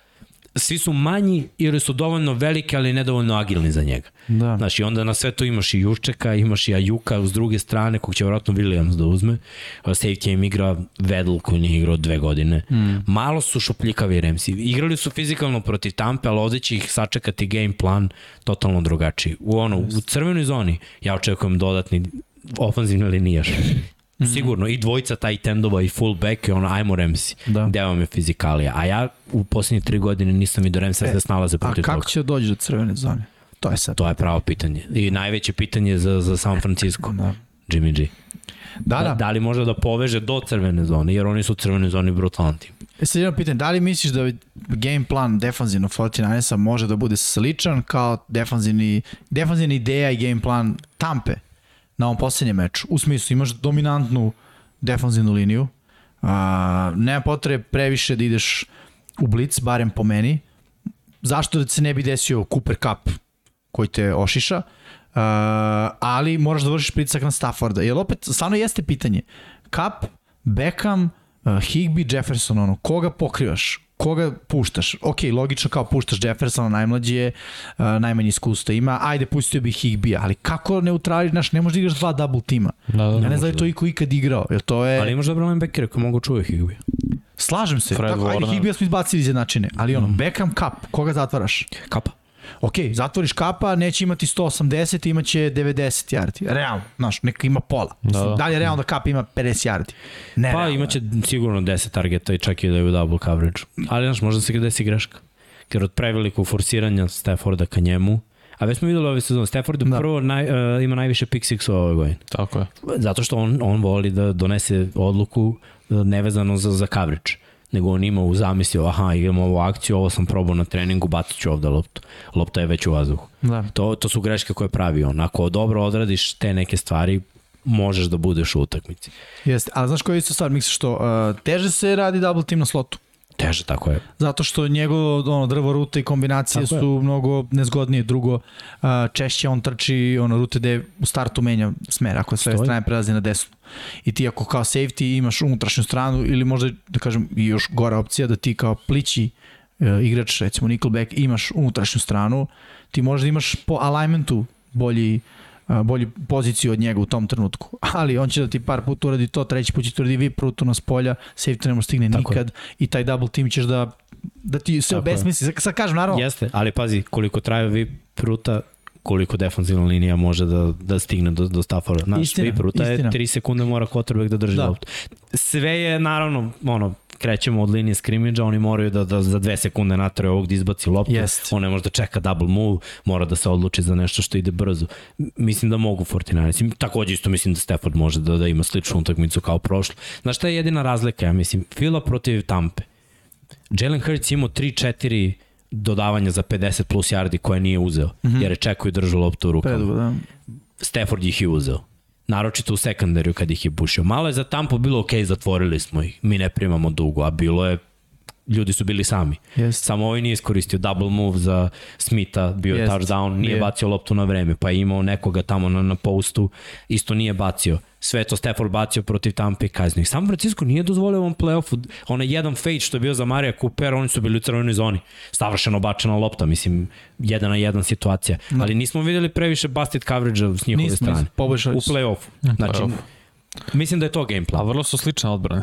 Kvaliteta, opet dominantan front seven, secondary koji je objektivno mnogo lošiji nego što se to i priča i pokazuje, tako da su slične odbrane. Da. Protiv koga igraju sad opet Stafford ovo, ovo kolo, to je ovo u finale konferencije.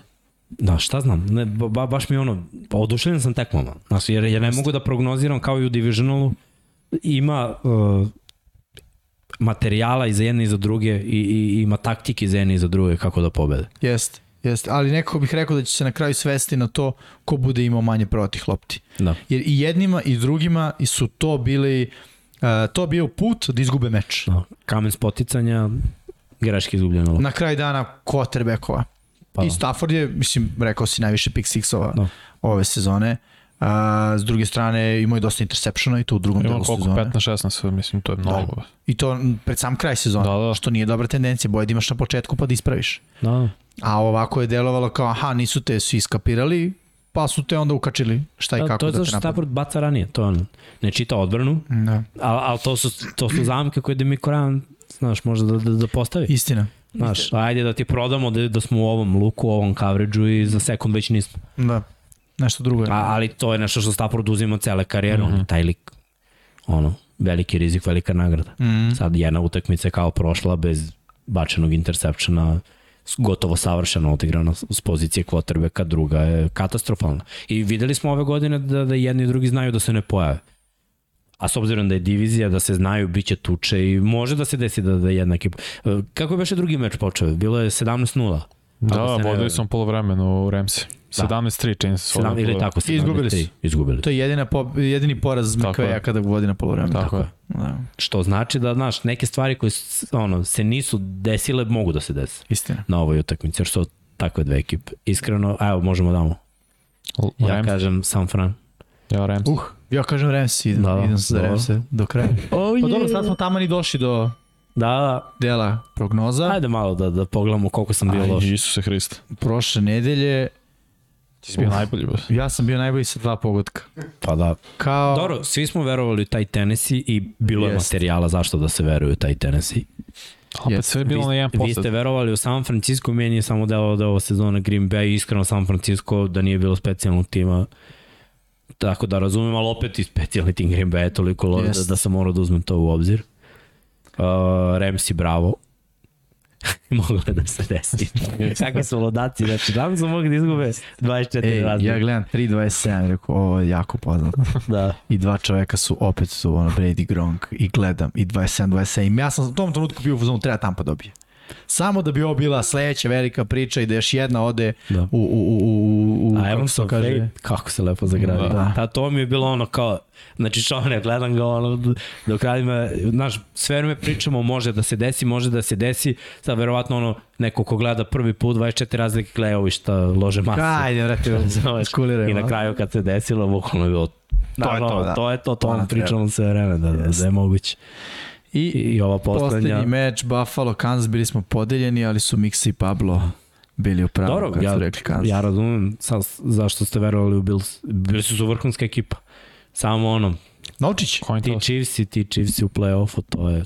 jeste. Mislim, meni je više tih 13 sekundi nego Novčić. To, to nije smelo da se desiti za Bills. Slažem se. Možemo imamo tabelu. Pablito za play-off, oni smo radili to. Opa, Ja i Pablo smo Tužno. drugom mestu, Miksa prvi. užas, brate, s tri Tužno. promoša. Dobro, ali vidi, uh, svi smo okrugli s procentima. 10, 10 Realno. mečeva, tako? Pa da, 7, Da. 3, 6, 4, 6, 4, Srđan i Vanja po 5, 5, 5, 50% uh, uspešnost. Dobro, da sad ćemo vidjeti. Dobro, playoff je teže za pogod... Kako Ne, ne, ne, ne. znam. Na, e, naročito na kad je ovakav. Da. Znaš, Da, je ona divisional je ono, šta, šta na posljednju, ne, n- niko nije mnogo pogrešio ako na field goal se pobedi u posljednjoj sekundi. Ili na touchdown, mislim, u posljednjoj sekundi, Da, a to je da. bilo na sve četiri utakmice. Tako Tačno, da, tačno. manje više svako od nas je mogao da bude ovde 100%. Ili 50, Da. mislim. Sve jedno. Ajde vidimo prognoze, već smo ih i, i rekli što se tiče manje više, ali evo da ih pogledamo ovako crno na belo ili ti žuto na plavo. A, u meču između Bengalsa i Chiefsa ovo je ja narančast. i Srđan verujemo u... To je naranđasta? Da. Ok. Ja i Srđan verujemo u Bengalse. Da, Svi ali pazi, ostali veruju Srđan. Srđan veruje u reprizu Superbola iz 81. ako se ne varam. Tad su bili Bengalsi i 49ersi. Da. Wow, svaka čast. Da. A ove što se tiče ovih ostalih, dobro gledaj, sve je moguće. Mislim, ja verujem ovu reprizu Superbola od pre par godina. Ono koji smo mi prvi put radili trojice. Mm.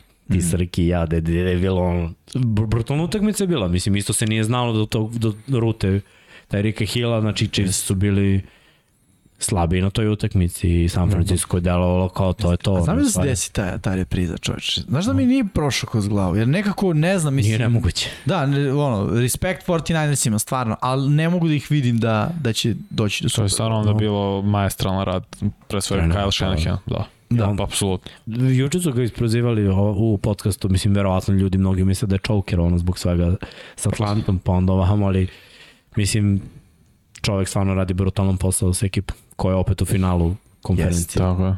Jeste. I ekipa od koje se nije puno očekivalo. Da. Da. Moramo i to da napomenem. Dobro, i drugi meč, znači 49ers i Ramsi, u Ramse, to sad ovako, u 49ers Sve, veruju sve i različite kombinacije imamo. Da. Da. Ne. Sve različite kombinacije. Je moguće? Samo Vanja i, i Pablo imaju istu kombinaciju, Chiefs Ka- i Rams. Da, čoveče, Da, nas pet, da, nas peta različitih Da, četiri kombinacije. četiri kombinacije. Sve kombinacije imamo koje mogu da No. se desi. Vrh. Neko će biti u pravu. što se tiče Superbola, da. I to je to što se tiče prognoza, što se tiče ovih standardnih, da kažemo, segmenata. Sad idemo u direktne prenose. E da, to da kažemo da su isti termini kao što su bili i u prethodnim u prethodnoj nedelji 21 čas. Obe su naravno na sport klubu 1. Uh, Bengals i Chiefs je od 21 i u noći između ponelj, i ponedeljka, ali samo 35 minuta nakon ponoći. Ako ne budu produžeci, jer koliko god da traje ova prva, dok se ona ne završi, ne počinje druga. Eto, to Što da znate. sjajno. Znači, nema preklapanja, ne, nego se čeka i onda gledamo drugu. Misliš, oni imaju vremena da pređu. To je, ostajete u istoj Ne, mi ostajemo isto. Znaš da je to bilo sad? Bila je razlika 5 minuta. Da, Znači, bukvalno je bilo ono, radimo utakmicu i, a znaš ono, idem isto u WC, ali je toliko dobro bila tekma.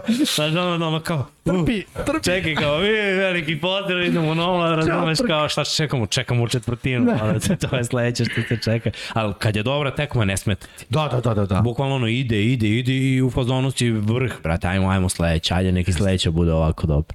Tako da, ovo, to je dobra stvar i opet, eto, da, da kažemo da, da smo Šone i ja Da. Playoff duo. Playoff duo. tu smo. Ovaj, ništa. Ajmo, ajmo dalje, poblite šta imamo još. Sad smo na pitanja i odgovore. Ljudi, da li ste spremni? Bam, bam, bam. Tu smo Rokajte. na raspolaganju, smo, pitajte, rokajte, dajte vaša mišljenja. Tako je. Um, ajde ovako, ja ću da uh, probam da se setim dva pitanja koje su ljudi postavili na Twitteru tokom nedelje. Jedno je bilo ko bi mogao da bude naslednik Big Bena, ne u Steelersima, nego po stilu igre u NFL-u. Josh Allen. Nema toga. Nije, Ja mislim da je odgovor nema. nema toga. Se zbog konstitucije Pa pa građe što brate. trpi udarce, ne, ovo je samo evolucija, jer ovi trči, ali ista građa, isto trpi udarce, isto može da otrese i baci. Po- Pokretljiviji je mnogo. Ben je uvek bio trom, ima tu sporu fintu. Spora finta je jako stara. Pa nepredvidiva je, ne znaš da li Da. je finta stvarno ide tamo, tako, dugo sam, traje. tako sam ja Marija stalno zezala, znaš. Ali spora finta, brate, Zna da Znaš, ono, ti ideš svojom brzinom, svi misle da ćeš brže, idu ispred tebe da te obore na sledećem koraku, samo prođu ispred tebe, ti si spor, Raz- razumeš, staneš, zastaneš, pump fake, ovo ono, ne, znaš, više quarterbackovi ni ne rade pump fake. Ben ima Ima bolestan, mnogo, ima mnogo stvari koje. Ben radi koji su ono toliko old school. To ti je kao kad bi sada video jednog igrača da, da ono... Skyhook. U, u, tako je, horog. Zamisli u košarci imaš centra koji sve vreme pegla horog. Ono, meni ne mogu, znaš, u košarka, otiče- ili vidiš centra koji je sve vreme u reketu. Da nije šutno trojku u toku sezone, kao što je nekad bio slučaj sa, sa svima. Da. Znaš, nemoguće mi je. Jeste evolucija u pravo si, otišlo je dalje, ali Halen je ono... Ja Samo mi vidim- deluje kao on sledeći korak toga. Da. Ali ono, sav respekt za, za Big Ben. Jeste. A, drugo pitanje koje sam a, dobio, probat ću da se setim, ako se ne setim, ne zamerite mi. A, da, da prokomentarišemo McVeja. Mara smo, ok, pričali malo o tom meču, ali u smislu Ajde. I postavka, ono, pogotovo prvo polovreme i Tampu koji je delalo u prvom polovreme da je rešio. Rešio da. Da I su onda- dali onaj touchdown na kraju prvog polovremena, Ćao. bukvalno Ćao. bih i rešio. To je 30 razlike. Ali, ali nije rešio. I nije prvi put da nije rešio. I, i o, ja, ja imam ovu jednu teoriju, ne znam da li, da li mislite da, da, da je ono dobra. Svaki put kada McVay napravi igrača, uh, on forsira tog svog igrača koji je napravio. Iako možda neko kog je doveo igra bolje. Uh, Akers, Michel sad. Akers Michel sad mi je posljednji primer. Uh, prvo Michel, već smo rekli da imao jako, do, jako dobru ovaj, sezonu, naročito u decembru kad je postao starter. I onda imamo situaciju da Akers koji je njihov pik ostaje. Sad, Michel je doveden samo da bi menjao Akers. Da. Henderson se povredio, njegova uloga postaje da menja ov, ovog. I onda dođemo do toga da ono, Akers će igrati zato što je njihov čovek koliko smo već videli kad je Beckham, na primjer, došao, evo, ja znam koliko je teško kada dođeš u novi tim pa imaš playbook. Da li neke stvari kada si na single side-u su vrlo lake za hvatača. Možeš da smisliš za nedelju dana pet znakova za pet ruta, bukvalno pegli samo tu rutu. Ne mora onda zna naziv cele akcije koju, razumeš, koji motion ima. Znači, znaš, outside si trčiš to i to. Ma i drugo miksa, on je bre elitni hvatač. Tako je, nije to- On brzo uči akcije. Tako je. Mislim, je došao sa koleđa ozbiljnog, bio je u, u Giantsima, razumeš, ono gde je koji, pa bio dobar sistem, u svakom slučaju. Ne može, ne može da se desi tek tako, znaš, da, da ga isključiš i, da igraš loše kad je on tek došao. Mo, mora da ima bolji utici. Nije imao, forsirao se Van Jefferson, koji je sad na kraju zap, zapao u zapeće, kad je on konačno shvatio, ok, bar je shvatio. Da. Treba da forsiram bekama, naročito u crvenoj zoni treba da forsiram bekama. Ono, Cooper Kappa forsira do iznemoglosti. Uh, mislim da to može mu bude problem. Slažem se, ja bih isto rekao ono, šta je isto problem? Toliko vodiš i stignute. Tako je. Znaš, nekada, pazi, pa ne nekada je, da nije problem. Nekada je forsirao Grlija. Se sećamo, Grli se povredio, taj Super Bowl je pao u vodu. Da, da. Jer, jer bila je druga posaka. Ove godine forsira kapa. Zamisli kapa zatvore, lupam, da prođe double team. Ej, povredi se. Ne, ne, ali... Na primer. Ili to, ali nemoj to. Ne, ne, ne, ne, ono, istegne Nemoj to. ložu, znaš, ne mora da bude nešto, dobije udarac u glavu, concussion protokol. Da. Hoće li se vrati, neće se vrati, nema ga četvrtinu i po dve.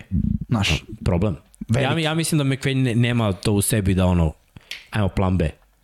Da, da ima ono, plan A i to je to. Ovo smo spremili, ovo radimo i, i to je to. To mi je najveći problem. Drugo, mislim da ga Shanahan outcoachuje svaki put kad igraju.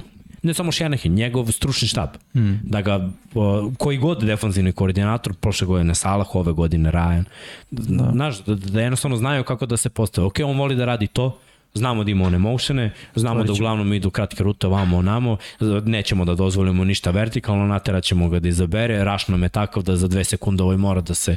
Znači, nekoga mi deluje da, da je jasno kako njega da zaustaviš. Nije mi više taj napad Remsa opcija 1, 2, 3 ili 4. Mm. Mislim da je to ono read Opcija option, dva, opcija 1 ili 2, ćao zdravo. Inače, imamo uh, donaciju 1000 dinara. Opa. Bojan Marko kaže, ovo je za Šonajta Mikse, popiju neko piće. Fantastično određen posao, momci, uživali smo vikendu s vama i jedno čekamo nedelju. Eto, E, Miksa. pa, hvala, brate. I javni piće. respekt. Tako je, da. Ro roka će se kafe. za svih hiljada dinara. Uh, ok, ajmo sad dalje. Pitanja, pitanja, pitanja. Uh, ako Stafford ne čita akcije, nije baš dobar da poziva sam akcije, jer onda ima poente za Ne, ne, ne. ga za gofa. On je odličan da sam pozove akciju. On zna da promeni, da prilagodi. Njegov problem je što lopta izleti pre nego... Zna- Znate kako se baca lopta? Ne baca se... Uh, ti kao quarterback znaš koju rutu imaju tvoji hvatači. Nije ti cilj da gledaš šta trče tvoji hvatači, nego gledaš šta trči odbrana i onda čitaš njih. Tamo gde oni ne, odre, ne odreaguju, ti znaš već gde će rute završiti, baciš loptu u prazan prostor. To je point. Ono što Hurts radi loše, prosto ne baca u prazan prostor, nego on čeka da se otvore. Tako je. Jako je teško NFL-u sa momentom reakcije da, da, ono, Jeste. da čovjek pravi separaciju uvek. Znači moraš da, da veruješ malo i da gađaš prazan prostor. Neka se desi da Stafford, on ima te tendencije, unapred veruje da, da će se hvatač otvoriti. Znači, nema veze da li je Cooper Cup ono, dobro pokriven, on veruje da će se on otvoriti na kraju svoje rute, umesto da čita defanzivnog igrača koji je ostavio slobodnu zonu, ako igraju zonsku odbranu. Ako igraju man coverage, najbrža ruta. Znači, to moraš da baciš. To se brzo, da ne, znači, shallow cross ako si igra man coverage, to je ono kao dobar dan.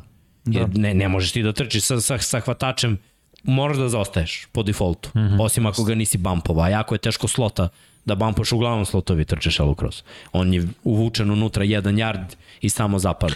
A ima i odlične hvatače, misli Stafford s kojim igra i to je ono prosto, meni bar tako da to uđeš u neku naviku, koliko ima si Johnson, ima Roy Williams isto, čini mi se, uh, posle Marvin Jones, Golladay, Tate, sve su Tako je, Tate, hvatača. znaš, i ti imaš prosto i rekao, ok, oni se uvek otvore. I uđe ti u naviku, bacaš i šta god, zašto? Zato što će oni verovatno A dobro, dohvatiti znaš loptu.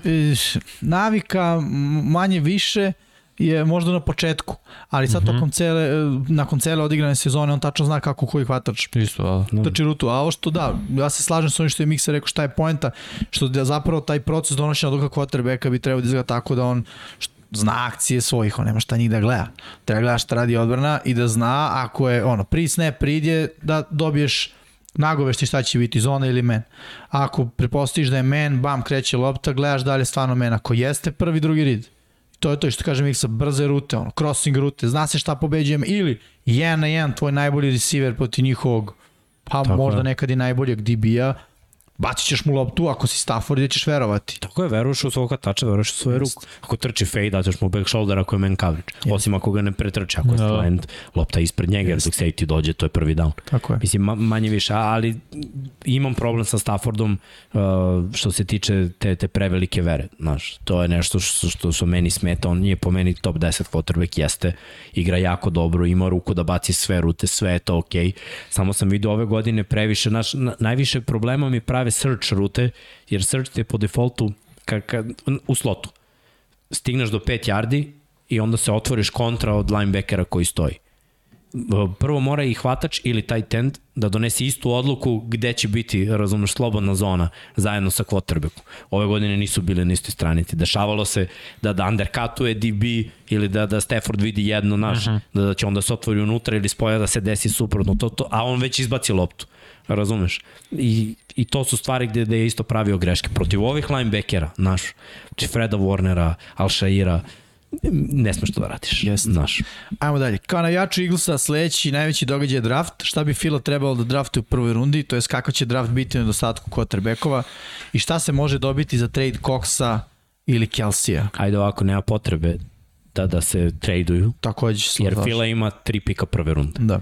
Znači to ti je ono najveći kapital posle Jeste. dugo, dugo godinu. Tri pika prve runde možeš da rešiš znači, šta će biti iza Coxa kad se Cox penzioniše. Tradovanje Coxa ostavlja rupu jer Cox je lider. Jeste. Ne igra toliko loše, sa Hargreavesom je odličan tandem, mislim da, da je edge rusher problem. Mm -hmm. Mislim da mora da se pomodi pozicija edge rushera.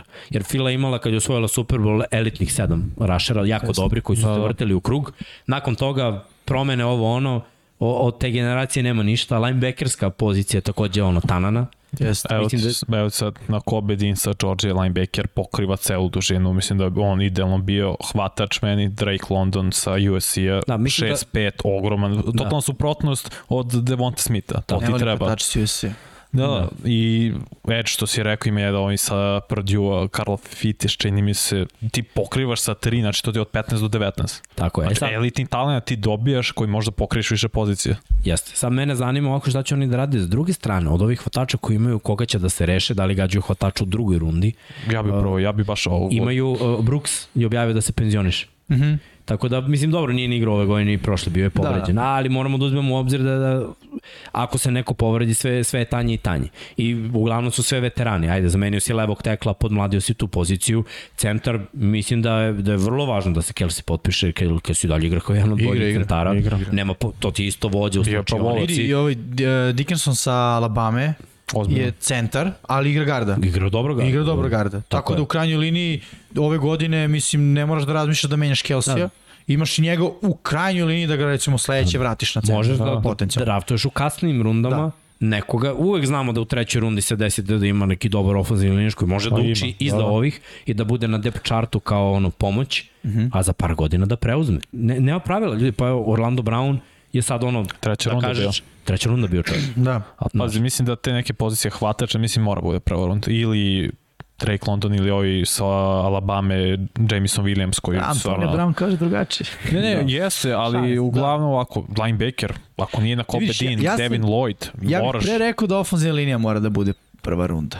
A, jer ofenzivna linija sa uh, ofenzivna i defanzivna linija u NFL-u ono velika je razlika. Ti kao skill igrač, ono, znaš, kad dođeš sa koleđa, da, drugačiji su defanzivni bekovi, nisi navikao, recimo, ako si hvatač na tu brzinu reakcije, ali dalje možeš da džuskaš. Možeš da imaš neku svoju igru, možeš da, ali znaš, kao ofanzivni linijaš, defanzivni linijaš, blokovi su drugačiji, o, treba blokiraš ili da se boriš protiv ono, bre, odraslih ljudi, bre, ljudi koji su u NFL-u godinama veterani, i mislim da je mnogo teža tranzicija njima. I zato treba da ih trajiš u prvim rundama, Onda a u kasnim Green. rundama skillove. Onda Jer- Kenyon Green, uh, guard, sa, sa, sa Texasa, Texas Ja nema se slažem, ali ne, ne, ne bi govorio ništa, jer ovo je fila. Da. Možda Da. draftuju i Rigora i Arsegu ponovo u prvoj rundi. Da, e, i opet moramo vidimo kako će ići draft, znaš. Da, da, Ali ja mislim da je edge rusher ono primarno. To, to, to mora da se desi za filu. Videli smo manjeg pritiska A outside. cornerback? Ne, ne, ne. Ne, ideš ovako. Gledaj, u sezoni koja je bila otpisana, ušli si u playoff. Veliki uspeh. Mogu si da pobediš dve, tri utakmice koje si izgubio. Znači, mogu si da imaš dvocifreni broj pobeda onako lepo. Da, da, da bude to jedna zaokružena sezona. Moraš da radiš na razvijanju Jelena Hurtsa. Ovakva ruki sezona, pazi, ovakvu ruki sezonu kako je on imao, imao je tipa Josh Allen nije ušao u playoff, imao još veći broj interceptiona, držao mm -hmm. loptu previše u rukama ali ga je Dable razvio da u sledećoj sezoni bude mnogo bolje. Ovo je prva njegova. Ne možemo da kažemo za onih pet utakmica. da. Ja razumeš, znači M je promenio trenera. Čekaj, onda koji su tri pozicije? Za mene je Edge, Edge rusher, linebacker, hvatač. neophodno i vidjet ćemo z- zavisnosti šta urade u free agency. Znaš, na primjer, može da se desi Allen Robinson je slobodan, da. Da. Gadvin je slobodan. Da. Da. Znaš, može da uložiš u takvog nekog hvatača koji je opravan, koji hvata 50-50 lopte, krupan, visok. Znaš, pre bi uzeo Gadvina i da čekam da se oporavi od ACL-a, nego da draftuje momka kog ne znam da može da pobedi u NFL-u, jer Fila ima problem da razvije, kao Baltimore, ne znaju razviju hvatača, ne znaju naprave Tako hvatača, ali kad do, dovedu nekog, znaju da ga iskoriste. Da, da. Znaš, mislim da, da, da je ono bolje da se ide na neku drugu. put. Ajmo dalje, imamo dosta pitanja. Uh, Antonio Brown u Baltimore. Molim vas, ne. Ne, nikako ne. E, ne. pre nego što ti, uh, prosto ne odgovara kulturi Baltimore. Ajde Gledaj, da se to razumem. samo, samo da vas pitam, evo vas dvojica, a to sam napisao u odgovoru. Slikao su dres. Da. Pa da, gledaj ovo, zamisli ovako, znači, o, najviše targeta po utakmici za Baltimore ima Mark Andrews, za to je nekad samo pet tipa. Zamisli utakmicu, prvo vraćaju se Dobbins i Gas i Lamar trči. To je 30 pokušaja trčanja po utakmici. Šta ti ostaje? Možda 20 pokušaja pasa. Zamisli Antonija Browna posle prve utakmice da ima tri targeta. Jer Andrews je prva hvatačka opcija, igra bolje od Antonija Browna, mislim prvi tim All Pro je. I onda gde su ovi drugi hvatači koje Tebe pokušavaš da razviješ? Da. Razumeš? I zamisli on sad kreće, Znaš šta, imam samo tri hvatanja na utakmici. Ja, prvo, Antonio Brown nije elitni bloker. Nije. Ja razumeš, ja bi preuzeo ove monke du, da, koji će da blokiraju. Baltimore ima svoju šemu. Neće Baltimore da postane ekipa koja... Ako mu nije bilo dovoljno lopti kod Toma i Leftvića, Šta on... A nije mu bilo. A nije mu Zbog bilo? toga je skinuo dres. Pa da, ajde, kao skinuo jer je bio povređen. Pa Da. tek će bude povređen ovde kad se maklja po ceo dan i blokira za ranim bekovima. Mislim, nema se ne znam ljudi. A nije Ovo je ono hardcore futbol ekipa, nema mesta, nema mesta za dive. Hvatače. Dobro, okej. Okay. Uh, Nemanja Anđelković, da li Tom ostaje? E sad, pitanje, u Da. Tampi, u NFL-u? Ne, ne, ne, neće tom u drugu ekipu. Ako ostaje, ostaje u Ostaju tamo. Pa i ja mislim to isto. to. Nema puno smisla. Uh, Da mislim, da, ekipu. mislim da će ostati. Mislim da će ostati zato što ova ekipa i dalje može da ostane delimično na okupu. Rešit će se nekih igrača naravno, ali, ali većina može da ostane, uvek dobro draftuju, mogu da budu relevantni i sad bez Peytona njima je otvorena divizija. To je ponovo playoff. Da. Znači moraš samo da odradiš posao, da tempiraš formu, da u play-offu zaigraš bolje i da gađaš opet Budeš taj zdraviji prosto u E sad, moje pitanje za kao sve nas ovde je, ako Tom ostaje, da li Gronk ostaje? Da, Da, da, da. Pošto To je Gronk, to ti je jedan kroz jedan. da, Gronk je, slažem se i meni to ima smisla, ali Gronk izjavio kao sad da me neko pritiska da donesem odluku, rekao bih penziju. Pa sad, brate. Dobro, ne naravno, ne igra mu se futbol više, već igra ga je toliko, izgubili su, razumeš, Tako i je. ono, uvek si i malo i butt hurt, i hurt, i onda, znaš, treba ti neko vreme da se zaželiš i, i sve. Dobro, idemo uh, dalje. Nikola Jokić, kako bi bilo da je kontra, da je Allen u Chiefsima, a Mahomes u Billsima? Koji bi tim bio uspešniji?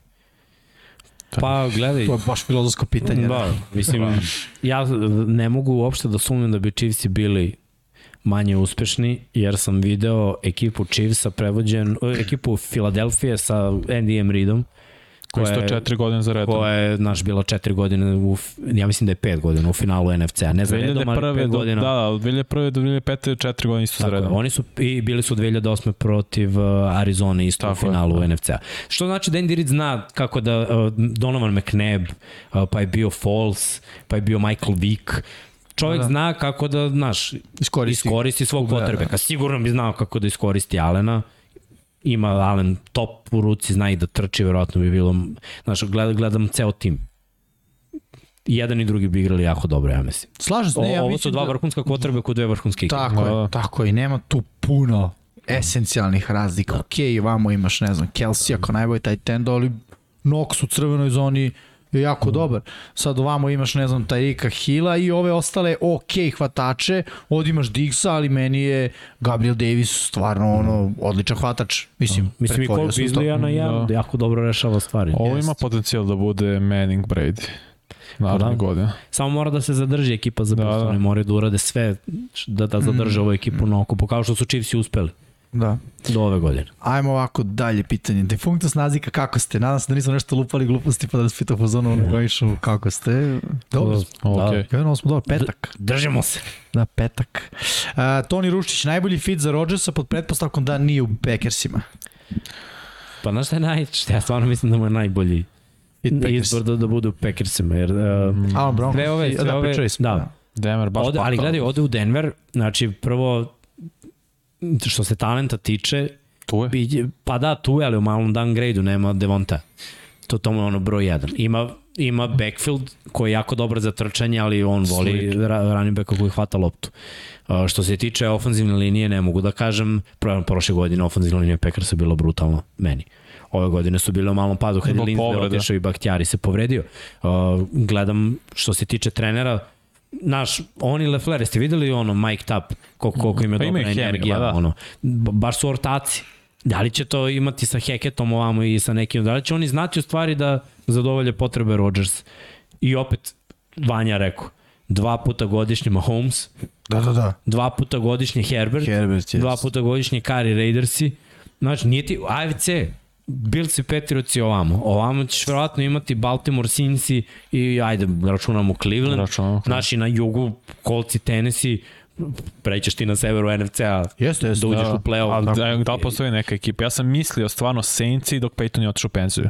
Da. Ja bi to imalo totalno smisla. Ok, Da, i mora gledaš ako ide um. već trade, mora gledaš ljudi, timove koji mogu da priušte trade. Tako je. O, da, Saintsi ne mogu, mislim, minus E, 70. bravo. Kolci. Da, To lepo. je neko napisao, bio u chatu. To Pa nije to je- ne- uopšte... nego da- Rodgers Adams, da, kao da je neka Obojica, informacija da. bila Rodgers Adams su kolce.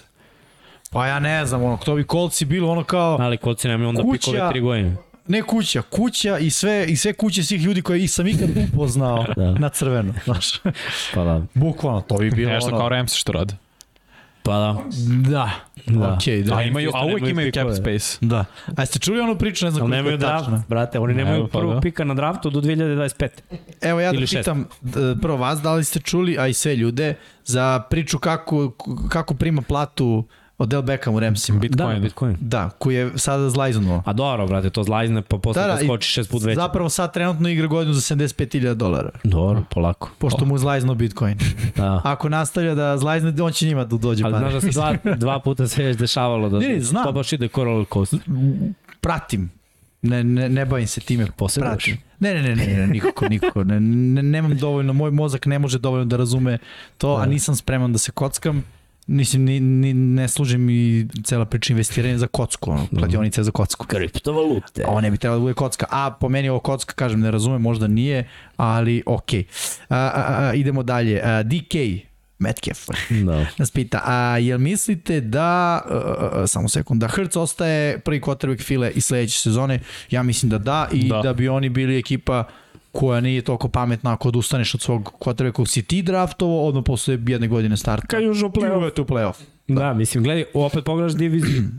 Imaš Dallas, ono koja je dobra ekipa, imaš Washington sa nerešenim pitanjem i koja je konstantno u rebuildu Giantsima. Znaš, ono, što bi meni, drugi si u diviziji. Ako ne, znaš, imaš, imaš priču. Da. Ne razumem. Nije mi logično. Ajmo dalje. Uh, Andrej Glanda, dajte snima kako Srki kaže, mazite se, pasite se. Nije loša ideja. Evo ti di E, treba se da. To je dobra Nije ideja. loša ideja. Bravo, Andrej. Uh, Teodor Krstić, Miksa nije rekao koje su još dve ekipe za Floresa. Mislim da si tipa rekao da za Flores ima bar četiri ekipe ili pet, pa si Pa da, napravio pa, pa, Mislim, pa ostalo je još ovako. šest ekipa. Da, da, da može, može da ode u Saintse, o, može da ode u Jacksonville, može da ode u Texanse Pa može i i može da ode u da. Giantse ili Minnesota, da. Mislim, sve je trenutno je sve otvoreno. Iskreno, ja sam mislio da će otići u Chicago. To mi je neko delo logično, ali sad nakon ovoga ne znam da bi mogao, nema ni jedan tako čist favorit za njega. Pa nema, da. Ali opet, dobar je trener, znaš, ovo su Yes. ekipe koje baš imaju problema, ovih pet koje sam nabrao sa, sa pobedničkim sezonama. Ne bi me čuo da pazi Minnesota, isto bi mogla da bude opcija. Jer ono, Da. su već igrali defanzivno, a onda onda dovede nekoga ko bi mogao ofanzivno da postavi šemu. Onako malo fizikalniju, koja bi možda i odgovarala Minnesota, što A je. ne bih čuo da, da gde god on ode kao glavni trener da dođe neko od igrača Majamija iz odbrane. Kao na primjer Ne bi Howard. me začudilo. Da. Jer setite se Van Noja, koji je nakon što je Flores postao glavni trener Majamija, došao iz Patriota Da, da. u Majami. Nije nemoguće, da, nije nemoguće. da. Da. Pa se vratio. Vratio se da ovaj ga katao posle. Bilo je nešto tu. Da. Ok, uh, New Star. Big Ben je ko Eric Clapton, slow hand. To je samo komentar.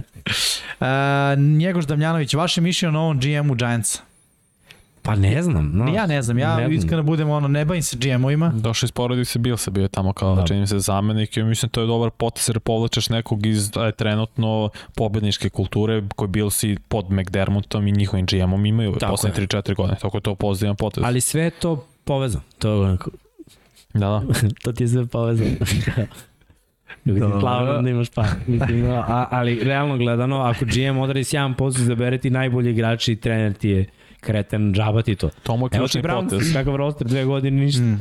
To ti je ključni potez. Ko će biti glavni trener? Koga će onda i zapravo izabere kao glavnog trenera? Tako je. To je prvi i najbitniji To, to, potez. tu ćemo da vidimo, razumeš, ko- koliko je spe i opet kako idemo dalje, jer trener i on moraju zajedno da se dogovore šta je budućnost, mm -hmm. Danny Dimes ili nešto drugo. Ili ako je Danny Dimes most, razumeš, samo za ovu godinu, da, da znaš već da od sledeće godine, znaš da istrpiš ovu i sledeće godine da imaš dobar plan, da, Da, da dovedeš nekoga ko slobodan agent, jer ovako dalje ne može. Da, a, Sead Binjoš, da li napadate Rams zato što su vaše ekipe ispali iz igre Super Bowl? Ne. Da li napadam? Napadam, Ja podržavam Rams. Podržava Rams. On podrža cijela sezona. Da, Cela sezona. ja, ja ovaj samo mislim da, da Ramsi nisu bolji od 49ers.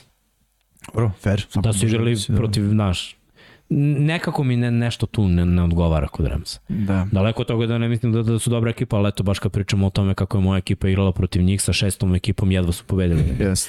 A kad je moja ekipa igrala full protiv njih, bilo je šest napada, šest touchdownova i bitch slap u Monday night. Jokić Nikola, šta će dalje da rade Brownsi i kuda ide Hunt? I dodatno pitanje od njega, pošto je vrlo blizu, i jel putuje Baker? Baker ostaje sigurno, Da, uh, Baker mi je onako. ali ostaje. To je, A mislim, Hunt? pokup, a Hunt, mislim, Loše je završio sezonu Hunt, to je ono, mislim imaće timo ko će njega tražiti, ali mislim, slobodan agent. jest, ali mislim da mu je najbolje da ostane u, u Browncima, još jednu ne, godinu. ne, ne, može da bude starter. On hoće da bude starter. Da, pa i može da bude starter. Može, pa dobro, mislim, i ovde je faktički uz Čaba starter, mislim. Dele je vrlo slično e, ovaj, Da, ajde lopta. istražimo malo ekipe ovako. Gde bi mogao da ode da bude starter? Koju ekipu bi Jets. mogao... Koju ekipu bi mogao... Pa dobro, Pa ajde. dobro, čak i Jets imaju ok Pa situaciju. Imaju ovog, Carter, da, da, North Da. Carolina. Carter je korektan. Yes. Jer mnogim, mnogim timovima bi prijalo da imaju tako jednog fizikalnijeg beka. Ajde da kažemo ovako. Chicago. Uh, Da. Dobro, da. Ajde da kažemo ovako. Ako Saquon ode iz Giantsa, Giants. Giants, Da, što da realno, Giantsi bi mogli da traduju. Ajde neki bolji tim. Pa dobro, bolji tim, E, bravo, Miami. ali nije Hunt, ja bih rekao da Hunt nije u situaciji jurim Super Bowl. Hunt juri startni posao sada. Jer u Clevelandu je bilo super si, dobar si, ali realno, ajde, ti si pola startera ili si 1A, šta god, kako da ga nazovemo. Ili si drugar, znaš, on Da. sada nije u poziciji kao Fournette, ti si talent brutalan, hoćeš da ideš da osvojiš prsten, pa kao odeš u tampu. Ali gledaš Znate i... gde bi mogao da se uklopi vrhunski? Samo kad bi ta ekipa mogla da, da handluje s capom to. Hunt je meni top 5 hvatač sa pozicije running back, Dobro. kao što je Ekeler. Ne, ne, ne, ne, ne. Chargers? Da. Zamisli, u, uh, zamisli Ekelera i Hunta u, ono, Pa, u jednoj da. ekipi. Jer Ekeler igra 50% snapova, ne igra sve. Ne, I ovih drugih 50 igraju momci A šta koji... bi Hunt dobio time? E, došao si u Cleveland, tačka, verzija 2.0. No, mnogo bolje. Ne, ne, mnogo ne, ne, što se tiče deljenja nošenja, ja to mislim. Ali ovde ima mnogo bolje ja mislim da Hunt sada hoće da igra za novac. Znaš, njemu treba ugovor, ti si naš broj 1. Pa ovi mogu da mu daju ugovor. A više. da li će da mu daju realno Ekeler je njihov broj 1? Da, Yes. ali ne dobija mnogo para. Ne, upravo se što tiče Dua i Miksa, slažem se, nego samo kažem ovo, ti si Hunt koji ide iz ekipe koja... Misliš da baš hoće da ode tipu, u ekipu da će Da bude bude broj jedan, da, jedan ja- jedini. ja mi- da i da bude, bude Derrick plaćen. Henry. I da bude plaćen. Ne kao Henry, ali da bude plaćen kao broj 1. Nego Henry. Pa ne, da bude Ne, plaćen ja mislim kao, za kao snapove, da igra 80% snapova. Da, da, da, da, to, to, to, to, to da, to pa da. dobro, onda mala ekipa. Pa malo je sad razmišljam. Da, Miami super broj. Dobro, Miami ono, sad je ima sad- tri beka. Da, pa Znaš, zato što Ovo je bolje od ima sutra. tri, ja bih rekao backupa. pa dobro, nije ni to, nije ni to netačno. Da. Ali treba to ishendlovati, znaš, osloboditi to. Ne, ba, baš me zanima, znaš, baš me zanima. A mora pogleda koja je najbolja situacija. Njemu u Brownsima je prvo imaš brutalnu ofenzivnu liniju. Znači dvojicu, trojicu koji su pro bowleri, ti realni zbog njih Ima. imaš dosta uspeha. Ali znaš kako se brani Cleveland Browns? Mislim, s defanzivne strane, kad spremaš kao kako igra protiv Browns. sve. Na puri box. I ja, Neka slušajte, Baker pobeđive. slušajte ovu ekipu. Detroit. Detroit, pa dobro, nije nemo. Fizikalni Mada oni imaju. Oni imaju dobru ofenzivnu Imaju i dva dobra beka. Mislim, meni je William super bek. B, I Swift mi je dobar. Da, Jamal, da. da, da, upravo si, da. Ne bi otpisao Swifta. Mada Swift nije puno, mislim, meni bar pokazao. Šta Pa, znam? ni, pa dobro, nisu ni oni generalno. Kao, Da, Mislim, s Goffom koliko možeš da pokažeš. da. Mora Možda- da ima balans, znaš, glupo je da ode u ekipu koja nema balans. Jeste, Ali ali ja puno. vidim nekako možda, ono, ko zna, Giantsi ako ode Barkley. Dallas ako katu iz Zika. Ma oni će onda guraju Pollard, ali Ako neće da. katovati oni Zike jer je Jerry ono, to su sve njegovi Zašto, sinovi. Ja. zašto ne bi oni gurali Pollard miksa? Jerry voli veliko ime, vrete. Pa dobro, pa Sa ne. Hunt nije, ne znam, Onda nema pojenta da otpusti Zika. slažem se. Ja opet mislim da Jerry ima konekciju s tom generacijom. To ima, da, volim Zik, njih, volim. ta ekipa. Dobro, ajmo dalje. Uh, Amir Okić, jesu li Billsi trebali uh, da idu na two point conversion nakon touchdowna i time reši utakmicu? Majok. Ne Ja. bi rešili i dalje 13 sekundi. Trebali su idu na squib kick. Tako je, ni- nije to bila loša odluka. Da. Samo šut posle toga. Samo i da je bilo četiri razlike, šta mislite da ovi ne bi probali touchdown i da možda to ne bi prošlo. Ne zna se, to, to su stvari koje ne možemo da, da, da predvidim. Uh, Vladimir Šoškić ili Soškić ili Soškić. Šoskić. Toliko varijanti. Zašto je u poslednje dve sezone na svim stadionima stavljen najlon na sideline-u? Miksa, možda te pitanje. I ono je pojam, trebalo bi kao da se manje kliza. Tako. E, meni je to užasno. Nema. e, Ta ima logika. Nemam, ne, nemam objašnjenja. Nemam nija objašnjenje.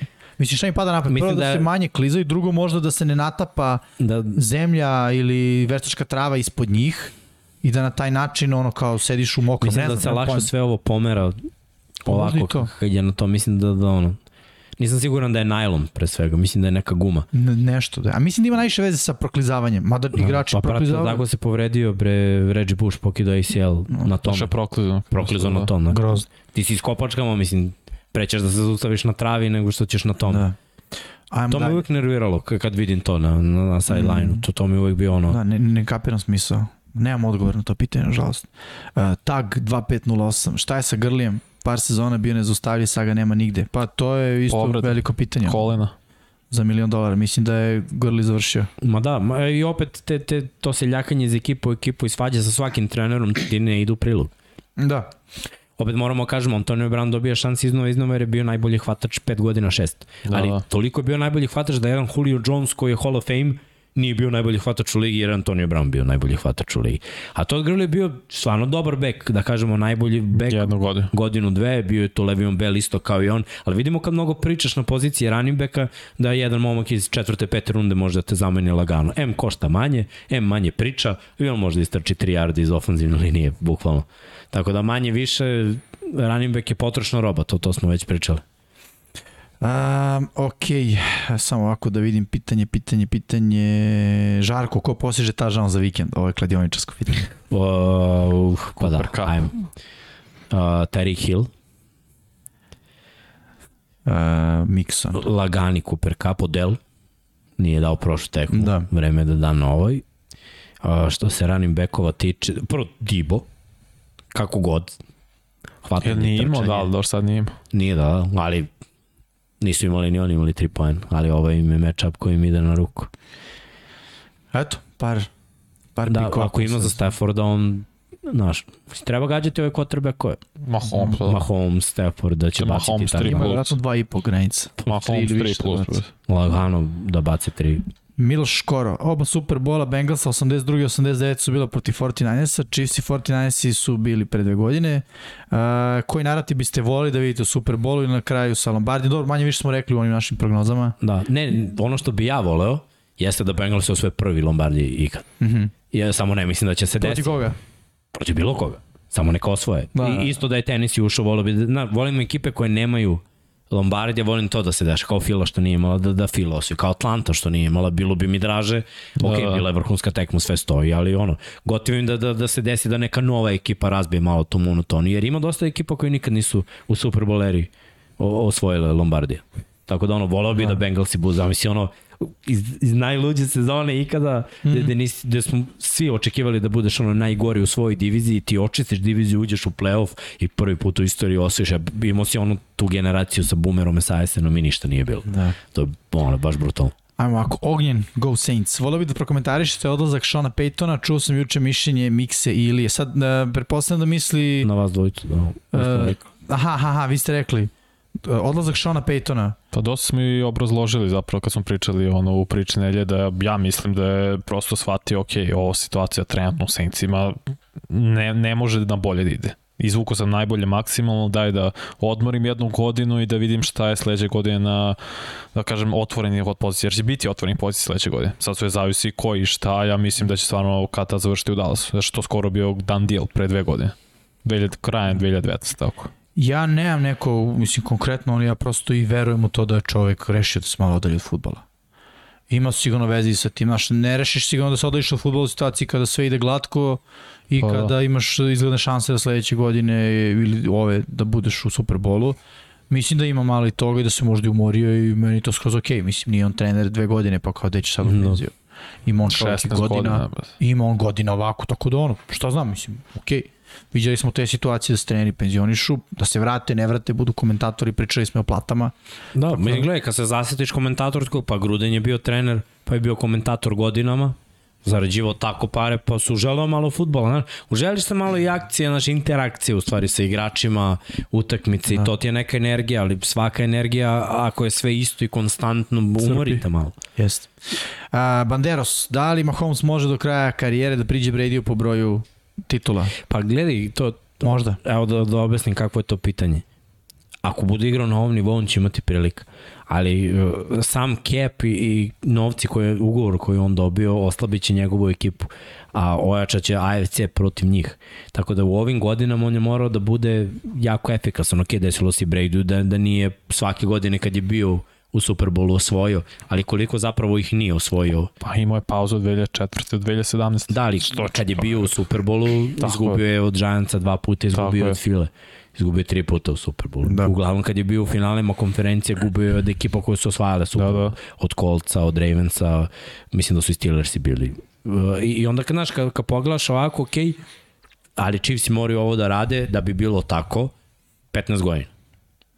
Mahomes mora da igra 15 godina. Ne, Mahomes će da igra, da, u današnjoj eri možeš da igraš 15 godina. Jeste, ali znaš, ja sam isto htio da kažem, vidi, Mahomes ugovor na 10 godina. Znači, on mora potpiše ili još jedan takav ugovor, jer ono, da li može da osvoji uh, Brady ima 8 titula, tako? Sam. Sedam. 7, da, 7 titula dao sam mu. Pa ako, gledaj, ako sad osvoji drugu i da kažemo da je od tri osvojio dva, Da. na dobrom je putu, ali Jest. mora da igra 15 godina. Mora da igra 15 Da. godina, tako Da. je. A je AFC je sve jače, jer nabrali smo je. quarterbacka. Još ako ubacimo da će da Watson igrati u AFC-u, to ti je još jedan elitni quarterback, a imaš Dobro, već i 5 bilo 6. je elitni quarterbackova, mislim i ne bilo ih s obzirom Bilo da je je. dve decenije Tom Brady Ne, i igra. bilo, je, imao si Manning, mislim, Roethlisberger, Oba Dom. Manninga, mislim. Ne, ne, gledam da. AFC, samo Aha. River, sve to imao si ti istu, sličnu situaciju, ali samo mislim da je malo više sada. Možda. I pravilo što kaže Mix. Ok, ajmo dalje. Uh, Bobo Jovanović, može li ova nedelja biti još luđa od prošle? Znači kaže svaka čast, braćo. Pozdrav, Bobo. Da, zašto ne može da bude lud? Zašto je bila četiri utakmice? Da. Na sad i da budu ono, na poslednji dve. stegovni, to, to su dve. Ali ova da baš svaka bude rešena, to, to je wow. To je nešto neponovljivo. Ajmo ovako, Alen Hajdarević, da li pojava Mahomesa je promenjena pozicija quarterbacka? Mislim, pokretan quarterback koji odlično baca, da li je ovo kraj ere QB-a kao što su Brady, Manning, Rivers, Ben? Da li je sa tim New England sa Mac Johnsonom limitiran? Pa jeste Da. da. trenutno limitiran, ali New England ima neki old school futbol koji će uvek biti dobar futbol ako odbrana radi svoj posao.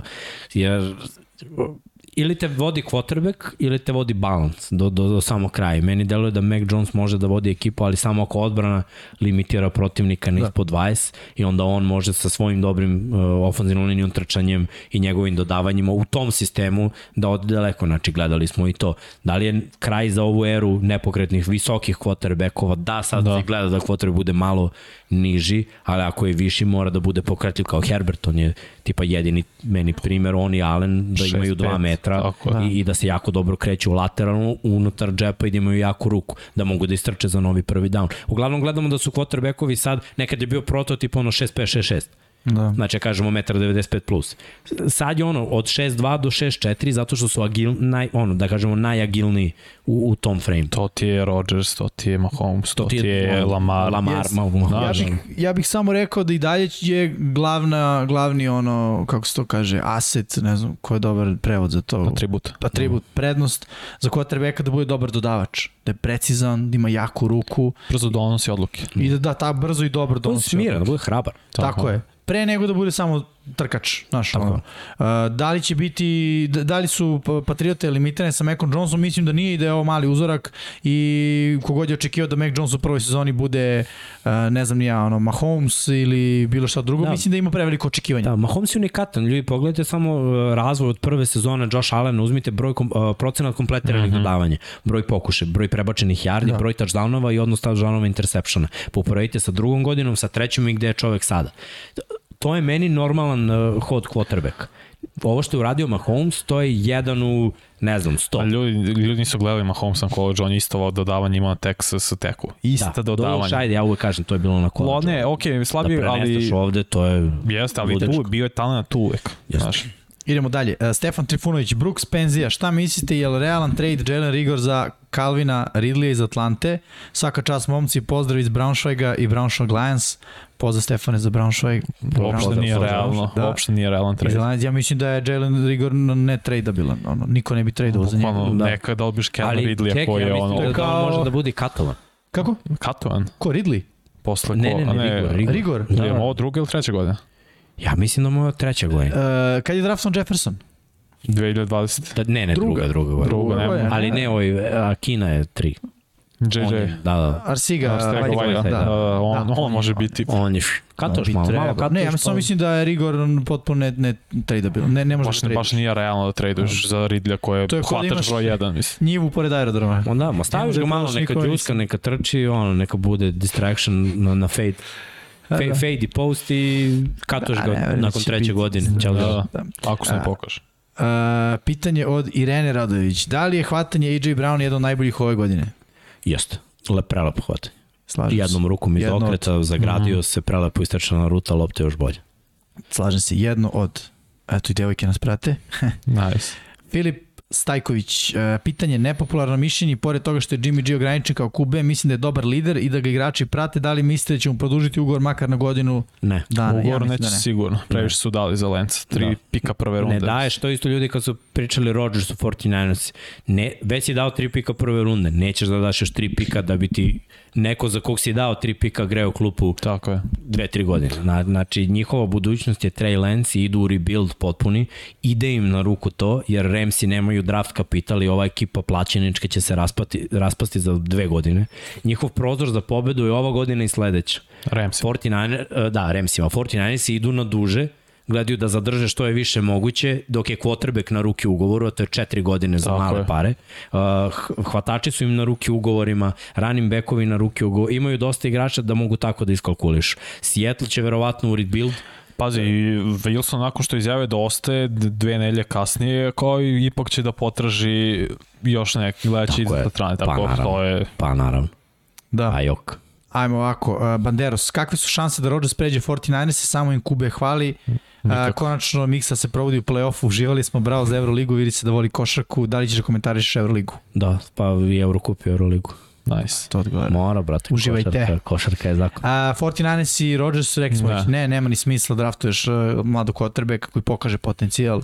Mislim što bi davao ono, mislim što bi davao, što bi, pa što bi davao i pare realno za ono Rodgersu toliki, a Ma nema potrebe. Gledajte kako bi Svet je bio. od udara, znaš. Već si izgubio pikove, Znaš šta, šta da ih povratiš kao? Čime? Na, znaš, pa Super Bowlom, nećeš ih i da osvojiš jedan Super Bowl, nije to to. Da. Cela ekipa će ti se raspasti za godinu dana ako ne osvoji. I da osvojiš, i, znaš, Da, da. sve gubiš. Ovako možeš da budeš konkurentan, pa bar 5-6 godina sa, sa ovom ekipom. Znaš, nije trebalo onda dratovati Lens ako, ako si imao gla, jer pazi, ove stvari ne saznaju se preko noći. Svi smo znali da, da je Rodgers on nezadovoljan već prošle godine, tako? Znali smo noć pre drafta. Tad su već mogli da pokrenu neke priče, zar ne? Pokušali Da. su, oni steli da traduju Packers i tad za San Francisco. Nego su oni izabrali svoju opciju. Njihova opcija je Trey Lance. To, to je izvesno. Evo kratko, Aleksandar Matić pita da li negde mogu treniram futbal, imam 20 godina, ne znam da li je to kasno. U Srbiji nije kasno, možeš, kontaktiraj se lokalni klub, što se kaže, tako da, ovaj, što da ne, možeš da, da probaš. A, a, da vidimo ovako dalje šta se dešava. New Star, da li Allen ima jaču ruku od Marcus, Jamarcus Russella? Russell je bacao 80 yardi sedeći. Baci Allen. Baca, ali Hvala. nije bitno. No. Bukvalno nije Da. bitno. Znači, I on ima Jamarcus Russell i Allen idu u istu rečenicu, samo da su obojica quarterbackovi. Da. I ništa više, To bukvalno. Ne, ja hoću da vidim ono kad Allen izazva Mahomesa da se takmiče ko može da baci. To mora da se vidi. To želim da Da, gledam. da, da, to slažem se, to je meni su super, da. ono, Pro Bowl. Meni ja, to najbolje je, Pro Bowla. Platio bi, brate, da ih Da, gledam, me, znaš. da. Bukvalno bi bilo, ajde, molim vas, gađajte prečku sa ono 20 yardi, od vaš end zone, ali ono u end zone i drugu. A, može li Aaron Rodgers u Tampu ako se Brady penzioniš, pita Marko. Pa može, ali ono, gledaj ti šta, šta Tampa dobija time. Dobija ono, kvotrbeka koji bi mogao da ih odvede dalje, ono da, da kažeš do, do Superbola, ali oni će da ostanu bez, bez nekoliko igrača u ovoj ekipi. Tako Njima da jeste ono- top uh, Da. prioritet Godwin, što su izjavili. Pa da, i, i sad kad potpi... ok, evo recimo scenario, potpišu i Gadvina i reše se nekih odbrambenih igrača, tu će da bude ono čistka, tako ja mislim, i onda dođe Rodgers, na primjer.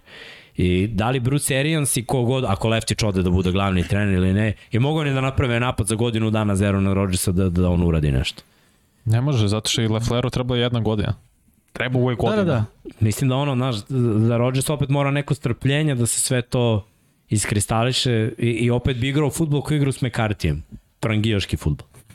Koji ga je odveo ono nigde. Ja, ja lažem, jedan Super Bowl je bio osvojen na prangijaški futbol.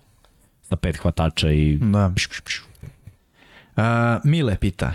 Može pitanje da li je bilo neke priče o taj tendu Nikoli Kalinić u kolcima. A, nisam gledao od starta, ok, a, pokušavamo sa tim momkom da stupimo u kontakt. Tako je. A, još uvijek nismo, da kažem, ovaj, uspeli, ali da, ispratili smo vest da su ga sada potpisali kolci. Da, mi smo prošle nedelje pričali o tome da ide na trening kampove, ali nisu bili kolci u pitanju. Da, bili su Seahawksi. Bili su Seahawksi, tako Da. je.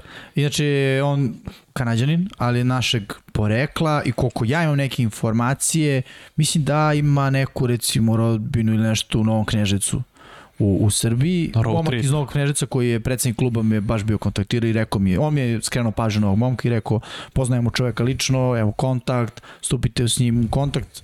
Uh, rekao sam mu, probali smo, još uvek pokušavamo, vidjet ćemo da, da, da nešto uradimo, da napravimo neki intervju sa njim, samo nam treba eto da se on ovaj, Da, dobro, morate oglasi, razumete, Da. momak, da, da. ja da sam na trening kampu tamo, telefon bi mi bio ugašen. Da. On fokus bi mi bio nauči što pre, Tako je. treniraj ono po ceo dan, tako ostani u timu. To, to je Jeste. poenta, a ne sad kao, e, stigu sam na, na, Da. na kamp i sad kao, poznat sam. Ne, on, ajmo da ostanemo tu gde smo došli. Evo dosta savjeta za Bitcoin. Bitcoin će skočiti, nek se strpi OBJ. Ma da, ma znam ja. Da, Jimmy drži Bitcoin, nemam Bitcoin ljudi. Da, imam ja drugara koji je s tim Bitcoin, pa ja rekao, ja, Isto, pa je, pa je, pa posle, brate, znaš koliko pare imamo, pa posle. I, ima čak komentar, ovaj, daj da šaljemo SMS-ove za OBJ-a ako je u teškoj Da, situaciji. sigurno i on u teškoj je teško. finansijskoj situaciji. Aaron Rodgers prima platu u Bitcoinima isto, sad da li celu ili deo, ne znam da znam. deo. Ne znam da li postoji Da. cela... Ma ne, gledaj, ljudi, ti ljudi, ti, ti ljudi toliko zarađuju od ugovora, od sponzora i Ma da. tako dalje, da, da ono, sumnjam, čisto sumnjam da je njima problem što su pali. Kako Rodgers uzima State Da. Farma, mislim. Šta? A sada, Ne znam. s obzirom da je 0-0-0-1, hoćemo da krenemo neki- zajedno. Može, Že- daj, daj. Čekaj, ajde. Četiri, sad. Danas nam je divan dan, divan dan, divan dan. Našem Jimmyu rođen dan, rođen dan, rođen dan. Bitcoin. Živeo, živeo. I srećan. Ovo je najveći Bitcoin. Da, koji mogu Otvoriti, samo čekaj. O, ne, ovo je NFT, ovo nije Bitcoin, ovo je NFT. Da, ajmo, živeo! Nema torte, nema svećica, Da, ali cepaj! ima neka, ovo je slika neka, ja bih rekao. Sad ćemo da vidimo.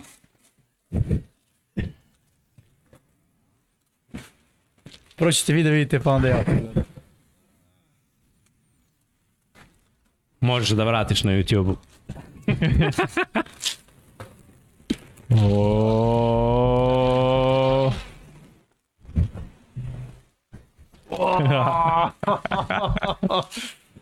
Okej. Cool. Fenomenalno. Mislim da, uh, mogu pitam ću od koga je poklon? Ili Ja znam. Ja znam, mislim, uh, je li od vas poklon? Od ekipe ovde? Pogledaj, uh, Pogledaj, Ima i- desno. Pogledaj na desno. 3 sata. Pogledaj desno. Tri, Pogledaj iza slike. iza, što znači iza slike? Spusti sliku. Što znači iza slike? A, znači, a znao sam da je, da je poklon od, od nje, što se kaže. Hvala. Hvala Čast. što ste ovo organizovali i hvala tebi Rado, evo javno za sliku. Moj, a, da, ovo je jedna slika koju sam hteo baš dugo, dugo da uradim, dokačim u kući, ali eto, da se nešto preče od prečeg, wow, Tom Brady. Hvala. Sad ću. Idemo Ajde malo, red je. Top. Da. Vrh. Pa sad ne znam šta ću s njom, moram da je vratim da ne bi slučajno je oštetio. Tu je moderator. moderator da reši. Moderiši čo, mo, čoveče. Hvala, Rado. Evo. Ovo je baš poklon. Nismo znali da ćemo da trajimo ovoliko, da budem iskren i To ti nisi To ti nisi Okej. Misliš da je slučajno? Koliko slučajno? Koliko dok ne prestane da bude slučajno. Da.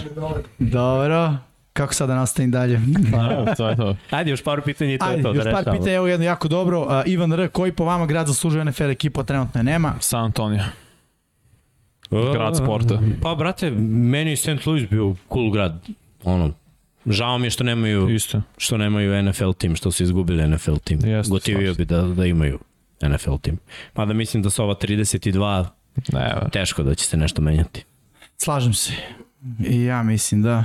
Uh, Igor Nedeljković, da li će Doug Peterson, Peterson imati posao u NFL-u 2022. E, na šta je najče? brat Što, da, nema uopšte jobs in, job da, interviews. nikoga nije, mislim, ono kao zvanično zvao, ali, ali čovjek treba da bude glavni trener. On je opasan trener, meni nije jasno kako, kako on nije glavni trener negde. I zašto uopšte dobio otkaz u Fili, to mi tek nije jasno, ali okej. Okay. Ima stvari koje meni nisu jasne. Uh, Dragan Perišić, Karim Hunt u Washingtonu. Pa ono, on, ovaj Antonio Gibson igra okej, okay, Da. šta znam. To ne bi bio opet clear cut broj, ja. Pa da. Uh, Banderas, ko će više interception da ima, Stafford ili Jimmy G? Jimmy G. Ja. Jimmy G. to, da, pa, A. nemoj, Jimmy G je taj lik. Samo da kažem hvala svima, sad tek dolazim na sami kraj četa i vidim srećan rođendan, srećan rođendan. Hvala ljudi, hvala puno za čestitke. Uh, 34. rođen u pitanju, 34 godine mlad, što bi rekli. Tako da, ovaj, uh, uh, hvala, kaže, nju stara slika Falsa. False ima statu, dosta mu. Dosta mu, ja. Polako. Uh, dobro, što se mene tiče, Da, ej, čekaj, ajde, baci ovamo kameru. Ljudi, čoveko je rođena, treba da ide da slavi. Ajde se razumemo, ispoštovali smo, prošlo je 12 sati, ušli smo u witching hour, tako da šta želimo od vas? Like, subscribe, pišite pitanja, mi ćemo odgovarati na pitanja, nadam se da ste uživali. Pratite Sport klub, na Sport klubu 1 obe utakmice, 21 čas prva, pa nakon nje odmah ide i druga. Uh, sve, dajte svoje prognoze i, i to ćemo naravno pisati. Pratite Instagram, mm. sad smo sve češći sa tim objavama i do Superbola očekujte jedno iznenađenje koje vam spremamo, tako da ono, to je to što vam je spremila ekipa Infinity Lighthouse-a. Očekujemo onda i, Srkija da se vrati sledeće nedelje pa da neku live može da čita sva ona imena koje je Vanja rešio u, u snimku. I ono, to je to, ne bi vas više zadržavao. tako je, A? spremite se za nedelju, bit će fenomenalno, bar se nadamo da hoće. To, to, to. Veliki pozdrav. Ćao svima.